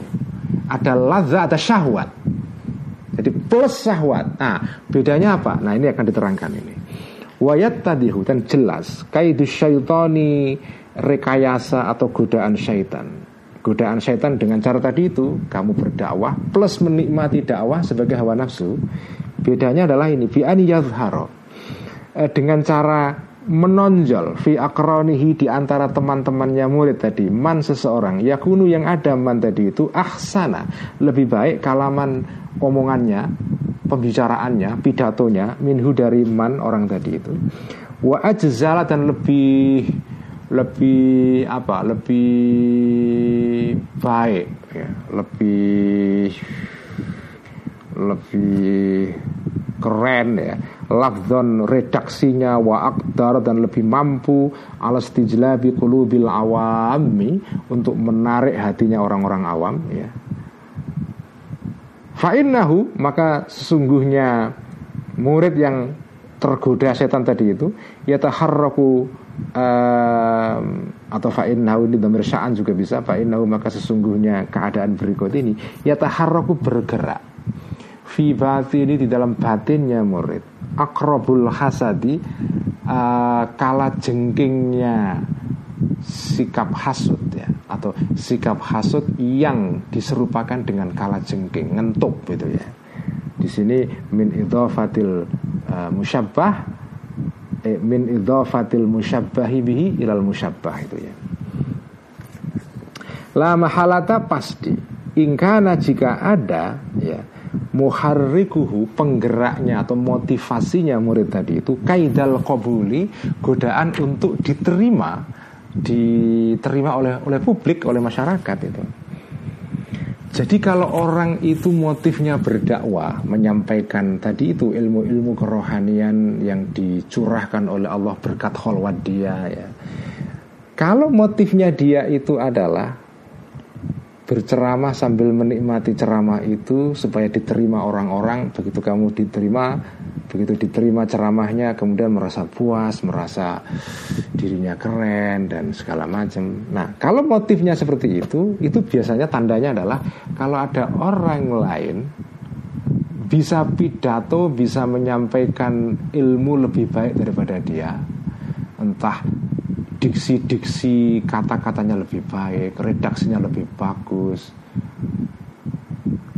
dimuat di koran yang lebih baik reputasinya, terus sakit hati, hasut ya. Kalau kamu merasakan tidak suka ketika ada orang lain melakukan pidato ceramah yang sama, lebih baik dari kamu, kamu sakit hati. Nah itu berarti kamu niat untuk ceramahnya tadi itu bukan untuk Allah itu, tapi untuk kepuasan diri kamu.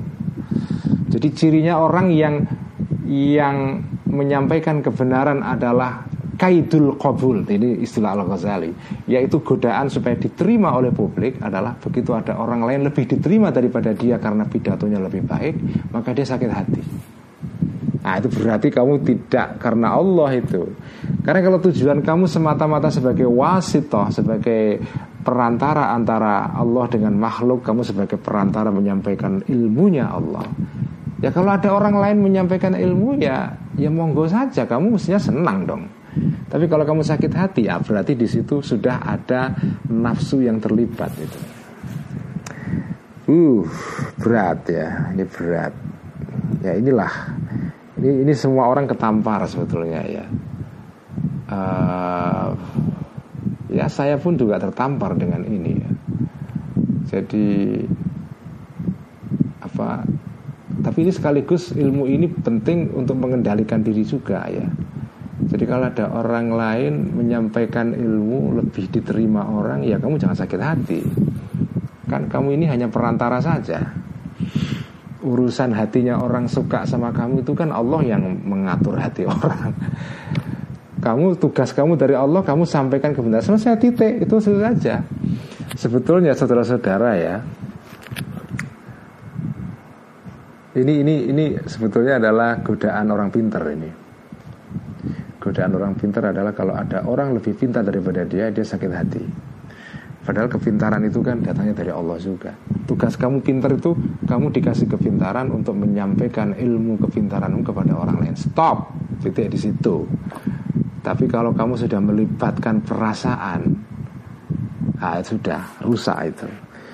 Rusaknya apa ya? Begitu kamu iri, kamu merasa sakit hati itu kan sakit hati itu kan nggak nggak nyaman di dalam rohani kita. Makanya sebetulnya ilmu tasawufnya Al Ghazali ini kan ngajari kita supaya santai saja gitu loh. Kamu jago pidato, jago nulis, uh, penulis di portal di Alif, di Islami.co, di Mojo misalnya terus ada orang lain yang nulis tapi hitnya lebih banyak terus kamu sakit hati ya itu kan sakit nggak enak sakit hati. Ya sudah kamu tugasnya menulis sudah tulis. Sebaik-baiknya sebaik yang kamu mampu. Adapun nanti ada orang lain yang lebih baik dari kamu, yang lebih disukai orang, di like orang, ya udah, ya nggak apa-apa. Tugas kamu ini hanya menyampaikan ilmu saja kok. Urusan diterima, urusan al qabul ini ya, ini istilah ini penting, ini kata kunci ini. Al qabul diterima orang itu urusan Allah itu. Nah, kalau kalau sudah kamu punya pamrih di kabul, kaidul kabul itu punya pamrih diterima orang, ah itu setan. Jadi kalau orang yang betul-betul niatnya menyampaikan menulis ilmu itu demi untuk menyebarkan ilmu itu adalah dia tidak terkena kaidul kabul. Penyakit kaidul kabul ini yaitu pretensi pamrih untuk diterima orang lain. Ya sudah, tugas kamu menyampaikan menyampaikan saja itu. Nah kalau kamu bisa terbebas dari itu, itu sehat mental kamu, jiwa kamu, rohani kamu. eh Gus itu gitu aja kok repot. Itu kan ilmu sebetulnya kan ilmu seperti ini. Begitu aja kok repot itu kan udahlah ya dibikin slow saja itu. Wa ingkana jika ada muharrikuhu penggeraknya murid tadi itu huwa al adalah kebenaran. Benar-benar al adalah Allah yang maha benar. Penggeraknya adalah demi Allah. Khirson adalah demi apa? Khirson uh, untuk uh, apa? Kel, ke, keinginan dalam keinginan yang sungguh-sungguh dari kita ala da'wati ibadillah terhadap mengajak hamba-hamba Allah Ta'ala ira, ila siratihi kepada jalannya Allah al-mustaqimi yang lurus kalau itu motivasi kamu adalah demi mengajak hamba Allah kepada jalan yang lurus. Ada orang lain yang melakukan hal yang sama lebih efektif dari kamu. Ya faya'zumu maka menjadi besar bihi karena apa itu uh, bihi karena muhariknya adalah al-haq tadi itu farahu kegembiraannya murid tadi. Dia akan gembira. Ada orang lain lebih baik lebih baik metodenya dalam menyampaikan kebenaran. Dia akan senang dan tidak hasut ya wayakulu dan berkata dan akan berkata murid tadi itu alhamdulillahilladzi adadani wa ayyadani biman wazarani ala islahi ibadihi ini doanya orang yang syukur ketika melihat orang lain lebih baik daripada dirinya.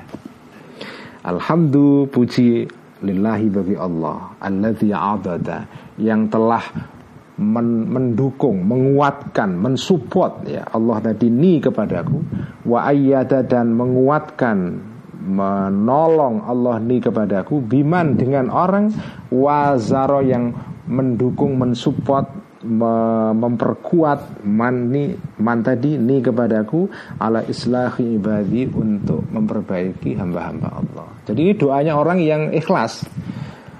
Maha maha apa puji bagi Allah yang sudah menolong aku dengan dihadirkannya orang yang bisa dakwah lebih baik daripada aku untuk mengajak kepada hamba-hamba Allah. Jadi syukur. Jadi kalau ada penulis yang lebih baik daripada kamu, orang yang lebih, kiai yang lebih pintar daripada kamu, juru ceramah yang lebih efektif dalam pidato daripada kamu dan lebih diterima orang, kamu bersyukur, oh terima kasih Allah mengirim orang yang bisa dakwah lebih baik daripada aku sehingga orang yang mendapatkan petunjuk itu lebih banyak. Ya kan? Bisa nggak kita begitu? Nah kalau bisa ya belajar lah ya kalau bisa, ah, itu keren. Itu keren banget. Itulah manusia rohani itu ya. Kaladi sebagai seperti orang wajaba yang wajib alaihi. Jadi ini diberikan metafor ya tamsil oleh Al Ghazali kaladi seperti orang wajaba yang wajib alaihi kepada orang tadi masalan umpamanya an yahmila untuk menggotong orang tadi itu mayitan jenazah orang mati. Lihat fana untuk supaya menguburkan alladzi orang tadi hu kepada mayit ya. Seperti orang punya tugas memikul seorang jenazah, memikul jenazah, tiba-tiba di tengah jalan itu wajada, ya, uh, dumadaan tiba-tiba menjumpai ya. Uh, wajadahu dha'ian wa ta'ayyana alaihi dhalika syar'an Faja'a man a'anahu alaihi Idh wajada kemudian menjumpai uh, Hu kepada Mayit tadi itu ya Doian sebagai orang yang Yang hilang. Wata'ayyana dan menjadi wajib alaihi kepada orang tadi eh, Zalika memikul Memikul jenazah tadi syar'an secara syarak. Faja'a maka datang man orang aana yang menolong hu kepada uh, man tadi alaihi terhadap mayit terhadap memikul mayit tadi itu. Tiba-tiba ada orang datang menolong dia fa innahu maka sesungguhnya orang tadi yafrahu akan merasa gembira bihi dengan adanya man yang datang tadi walayah sudu dan tidak hasut orang tadi ya alladhi depan tadi itu Eh, man hasud man terhadap orang yu'inu yang menolong orang tadi hu kepada Allah disebut ya. Jadi ini umpamanya adalah ada kamu ada di tengah padang pasir ya. Tiba-tiba di sana ada orang mati ya. dan tidak ada orang lain. Nah, mengurus mayit itu kan sebetulnya fardu kifayah, artinya kewajiban kolektif mengurus orang mati itu kalau tidak itu kewajiban kifayah artinya kalau tidak kalau sudah ada satu orang mengurus itu yang lain sudah gugur kewajibannya tapi kalau tidak ada siapa pun maka kamu harus mengurus itu Nah kalau kamu tiba-tiba ada di satu di satu keadaan, kamu menjadi orang, kamu di tengah-tengah padang pasir, kemudian ada orang yang tersesat di situ, mati, dan tidak ada orang lain kecuali kamu. Kamu doe, eh, orang tadi itu doe, tersesat di padang pasir, mati, nggak ada orang lain kecuali kamu. Kamu wajib mengurus menjadi fardu ain itu, kamu wajib melakukan pengurusan terhadap jenazah ini.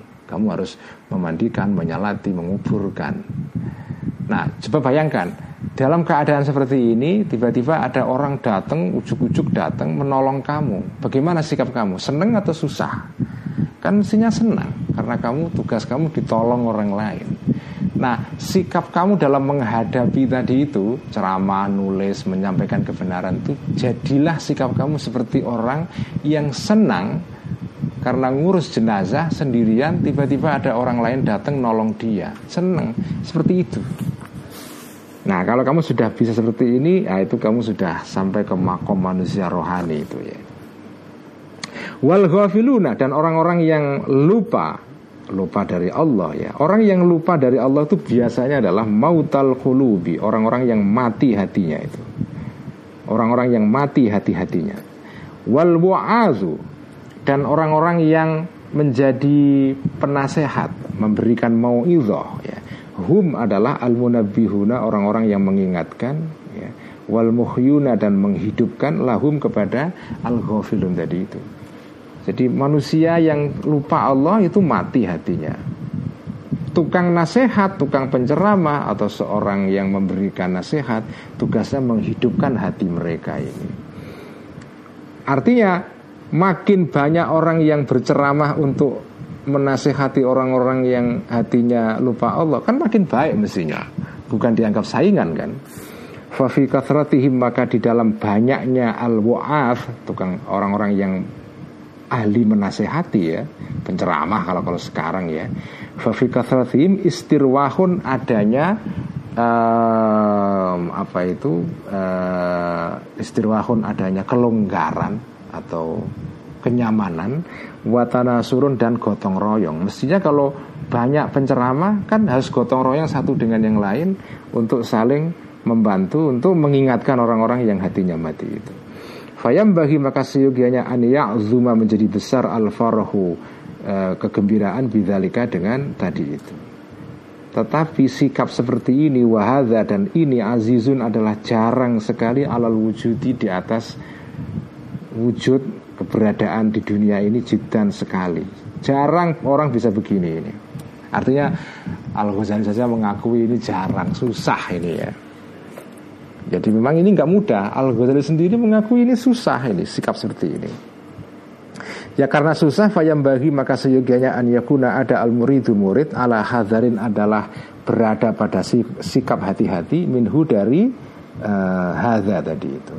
Fa innahu karena sesungguhnya ini tadi godaan tadi a'zamu habailis syaitani adalah uh, jeratan tali jeratan setan yang paling bahaya.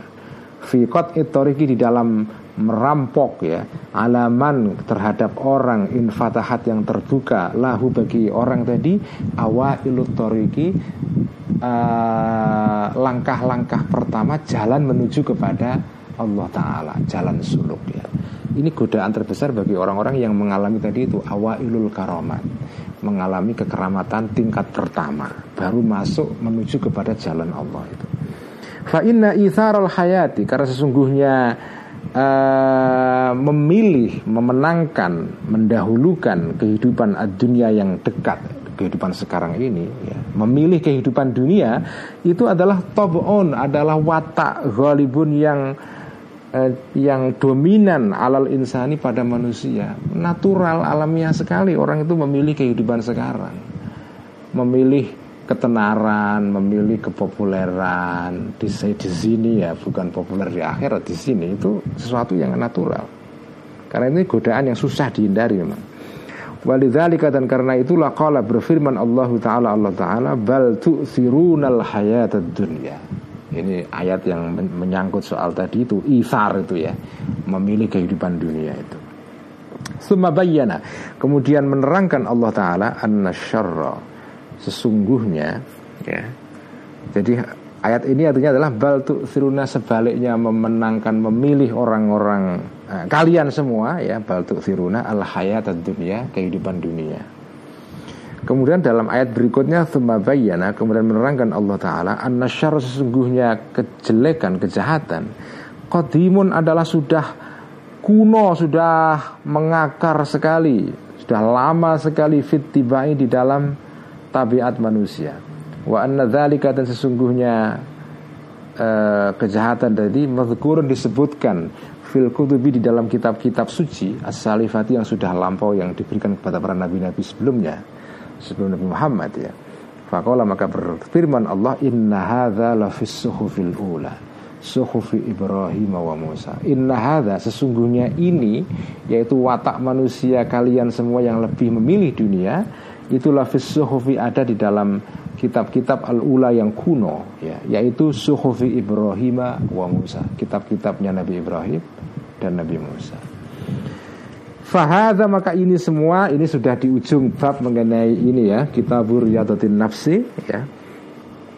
Fahada ma maka ini semua adalah minhajur riyadatil muridi Cara metode riyadoh atau latihan spiritualnya seorang murid Watarbiyati dan mendidik murid Fitadriji di dalam tahapan-tahapan Ila illahi untuk bertemu dan berjumpa dengan Allah Ta'ala Fa'amma tafsilur riyadati Maka adapun rincian uh, latihan spiritual fikul sifatin dalam masing-masing sifat maka fasayati maka akan datang tafsirnya tadi.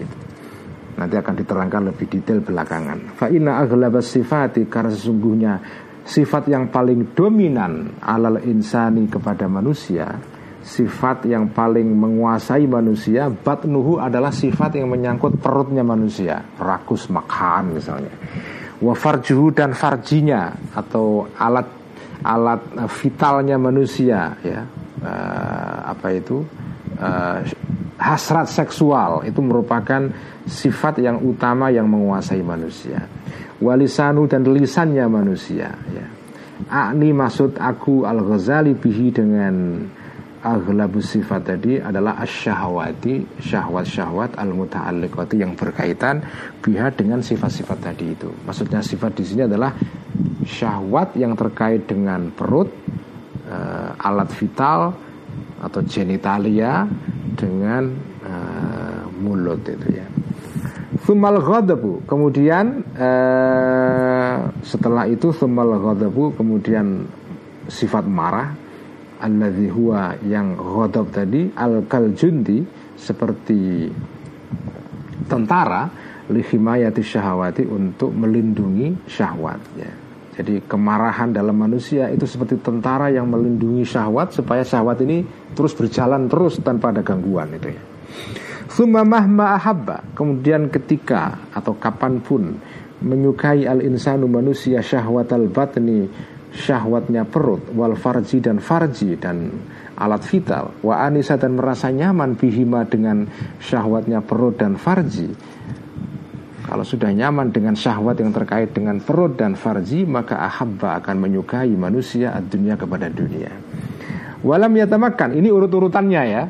Walam yatamakan dan tidak mungkin ya e, Manusia tadi minha dari syahwat tadi itu Illa bil mali kecuali kalau dia punya harta Wal jahi dan wal jahi dan status sosial dan pangkat ya.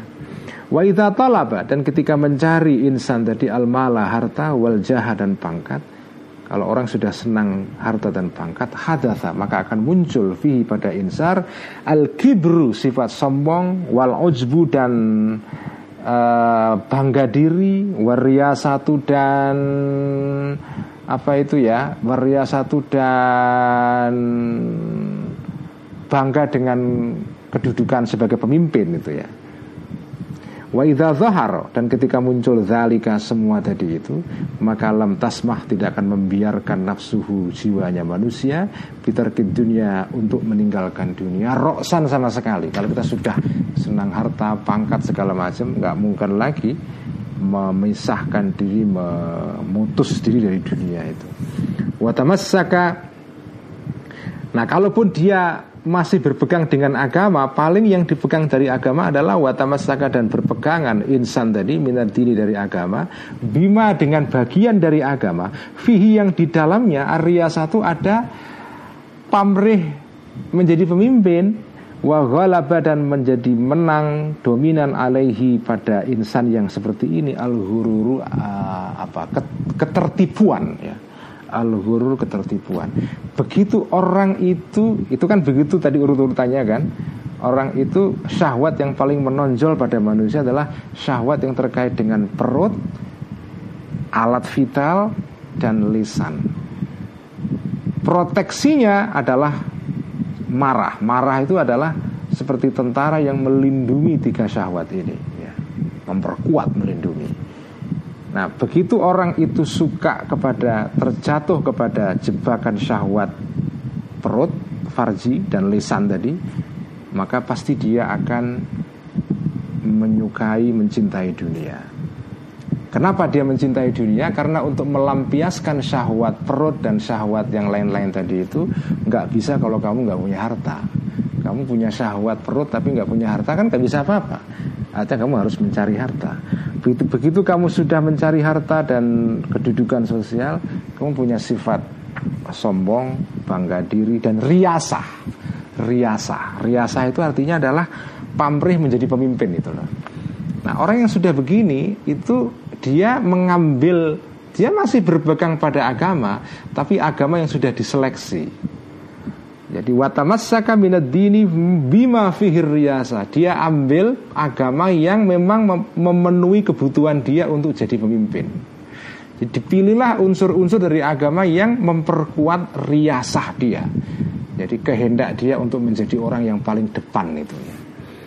Wah ini ya ya terjadi banyak lah ya. Orang yang beragama secara selektif itu kan banyak sekali itu. Falihada maka karena itulah wajib wajib alaina bagi kita Pak da takdimi hadainil kitabaini. Setelah mendahulukan dua kitab ini tadi kan kita sudah baca. Ini saya baca tiga tahun loh ini ya. Lama sekali ini. Dua kitab yaitu kitabu ajaibil qalbi dan kitabu riyadatin nafsi. Ya sudah selesai ini. Setelah kita selesai itu semua maka saya Al-Ghazali maksudnya harus anastakmila untuk menyempurnakan rubu al-muhlikati kitab seperempat tentang hal-hal yang mencelakakan rohani manusia muhlikat ya bisa niati kutubin dengan delapan kitab lagi tadi kan baru dua kitab dua sub dua bab ya maka untuk ini kan jilid ketiga ini jilid tentang muhlikat ya. Sifat-sifat yang menghancurkan rohani manusia Nah setelah dua pengant kitab pengantar, bab pengantar Maka saya akan menyempurnakan dengan delapan bab pengantar lagi Dengan bab yang menyangkut pokok isi ya Dua sebagai pengantar, delapan lagi sebagai pokok isinya Yang terkait dengan Eh, sifat-sifat eh, yang mencelakakan manusia. Insya Allah Taala yaitu apa? Kitabun kitab pertama ya delapan kitab tadi itu. Pertama kitabun fi kasri syahwatil batni wal farji. Kitab tentang menundukkan ya mematahkan syahwatnya perut dan farji dan alat vital. Dan wa kitabun dan kitab fi afatil lisan di dalam terak tentang godaan-godaan mulut manusia. Wa kitabun dan kitab fi kasril ghadabi di dalam menaklukkan sikap marah wal hikti dan uh, iri ya. Wal hasati dan hasud. Ya.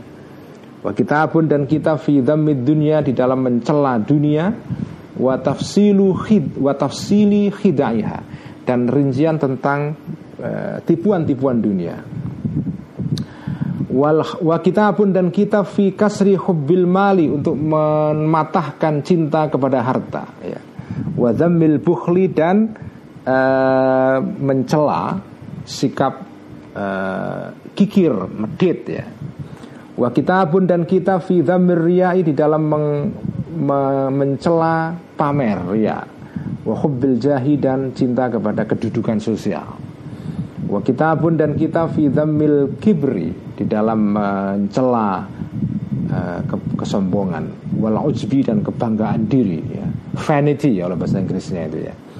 Wa kitabun dan kita fi mawaqi'il hururi tentang tempat-tempat adanya apa ketertipuan dengan diri sendiri gitu ya.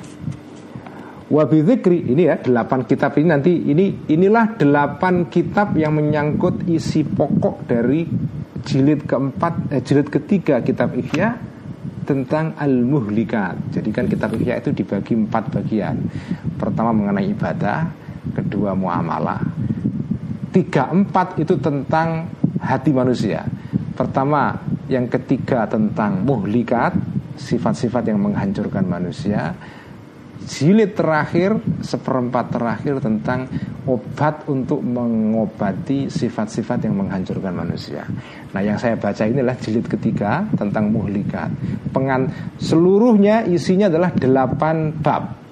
Bab kedua ada sudah dua bab pengantar yang kita baca, yaitu kitab tentang ada tiga ya. Kita kita Bu Ajaibil Qalab sorry ada dua. Kitab Ajaibil Qalab dan kitab Riyadatin Nafas. Nah tinggal delapan. Yang delapan itu merupakan pokok isi dari kitab Al-Muhlikat itu Wabi dzikri hadhil muhlikati dan dengan menyebutkan sifat-sifat yang menghancurkan hati manusia ini. Wa ta'limi turukil mu'alajati dan mengajarkan cara-cara mengobati fiha di dalam muhlikat. Yatimmu sempurnalah gharaduna uh, tujuan kami Al Ghazali maksudnya min rubu ilmu muhlikati dari seperempat kitab Ihya tentang muhlikat tentang sifat-sifat yang menghancurkan rohani manusia. Insyaallah taala fa inna ma karena sesungguhnya uh, keterangan zakarna yang sudah menyebutkan aku Al Ghazali hu kepada ma fil kitab dalam kitab Al Awali yang pertama adalah huwa syarhun adalah keterangan bab yang pertama tadi itu ya atau dua bab yang sebelumnya adalah keterangan li sifatil qalbi terhadap sifat-sifat uh, atau watak-wataknya hati manusia. Alladzi huwa yang hati manusia itu adalah disebutkan Allah Ghazali sebagai ma'dinul muhlikati, tambangnya sifat-sifat yang menghancurkan. Tapi juga sekaligus wal munziati dan sifat-sifat yang menyelamatkan rohani manusia. Hati manusia itu di dalamnya ada muhlikat, ada munziat. Wama dan keterangan zakarna yang sudah menyebutkan akuhu kepada ma. Tadi itu fil kitab ini dalam kitab yang kedua yaitu tentang kitabu riyadatin nafsi yang baru kita selesaikan malam ini. Huwa adalah isyaratun adalah isyarat adalah uh, keterangan kuliyatun yang bersifat general umum ilatori kita akhlaki kepada cara melakukan pembersihan akhlak wa mu'alajati amradil qulubi dan mengobati penyakit-penyakit hati. Itu baru keterangan umum saja. Keterangan rincinya nanti di jilid Ihya yang keempat terakhir itu. Amma tafsiluha adapun keterangan dari uh, mu'alajah tadi mengobati itu fa innahu maka sesungguhnya tafsil yati bakal datang fi hadhil kutubi dalam kitab-kitab yang delapan tadi itu plus yang terakhir nanti unziat ya. Insyaallah taala. Tamma kitabu riyadatin nafsi wa tahdhibil akhlaqi bihamdillahi wa aunihi wa husni taufiqihi. Yatluhu insyaallah taala kitabu kasri syahwataini. Walhamdulillahi wahdahu wa sallallahu ala sayyidina Muhammadin wa ala alihi wa sahbihi wa ala kulli abdin mustafan min ahli al-ardi was samai wa ma taufiqi illa billahi alaihi tawakkaltu wa ilaihi unib Alhamdulillahirabbil alamin selesai dua kitab atau dua bab besar pertama dalam jilid ketiga Ikhya ini. Kita akan teruskan besok malam di Jogja ya Mbak Admin ya. Di rumahnya Kiai Munjid di di Pandanaran. Di Sunan Pandanaran apa? Jalan Kaliurang. Jalan Kaliurang ya. Terima kasih. Mari kita tutup dengan bacaan hamdalah alhamdulillahirabbil. Wassalamualaikum warahmatullahi wabarakatuh.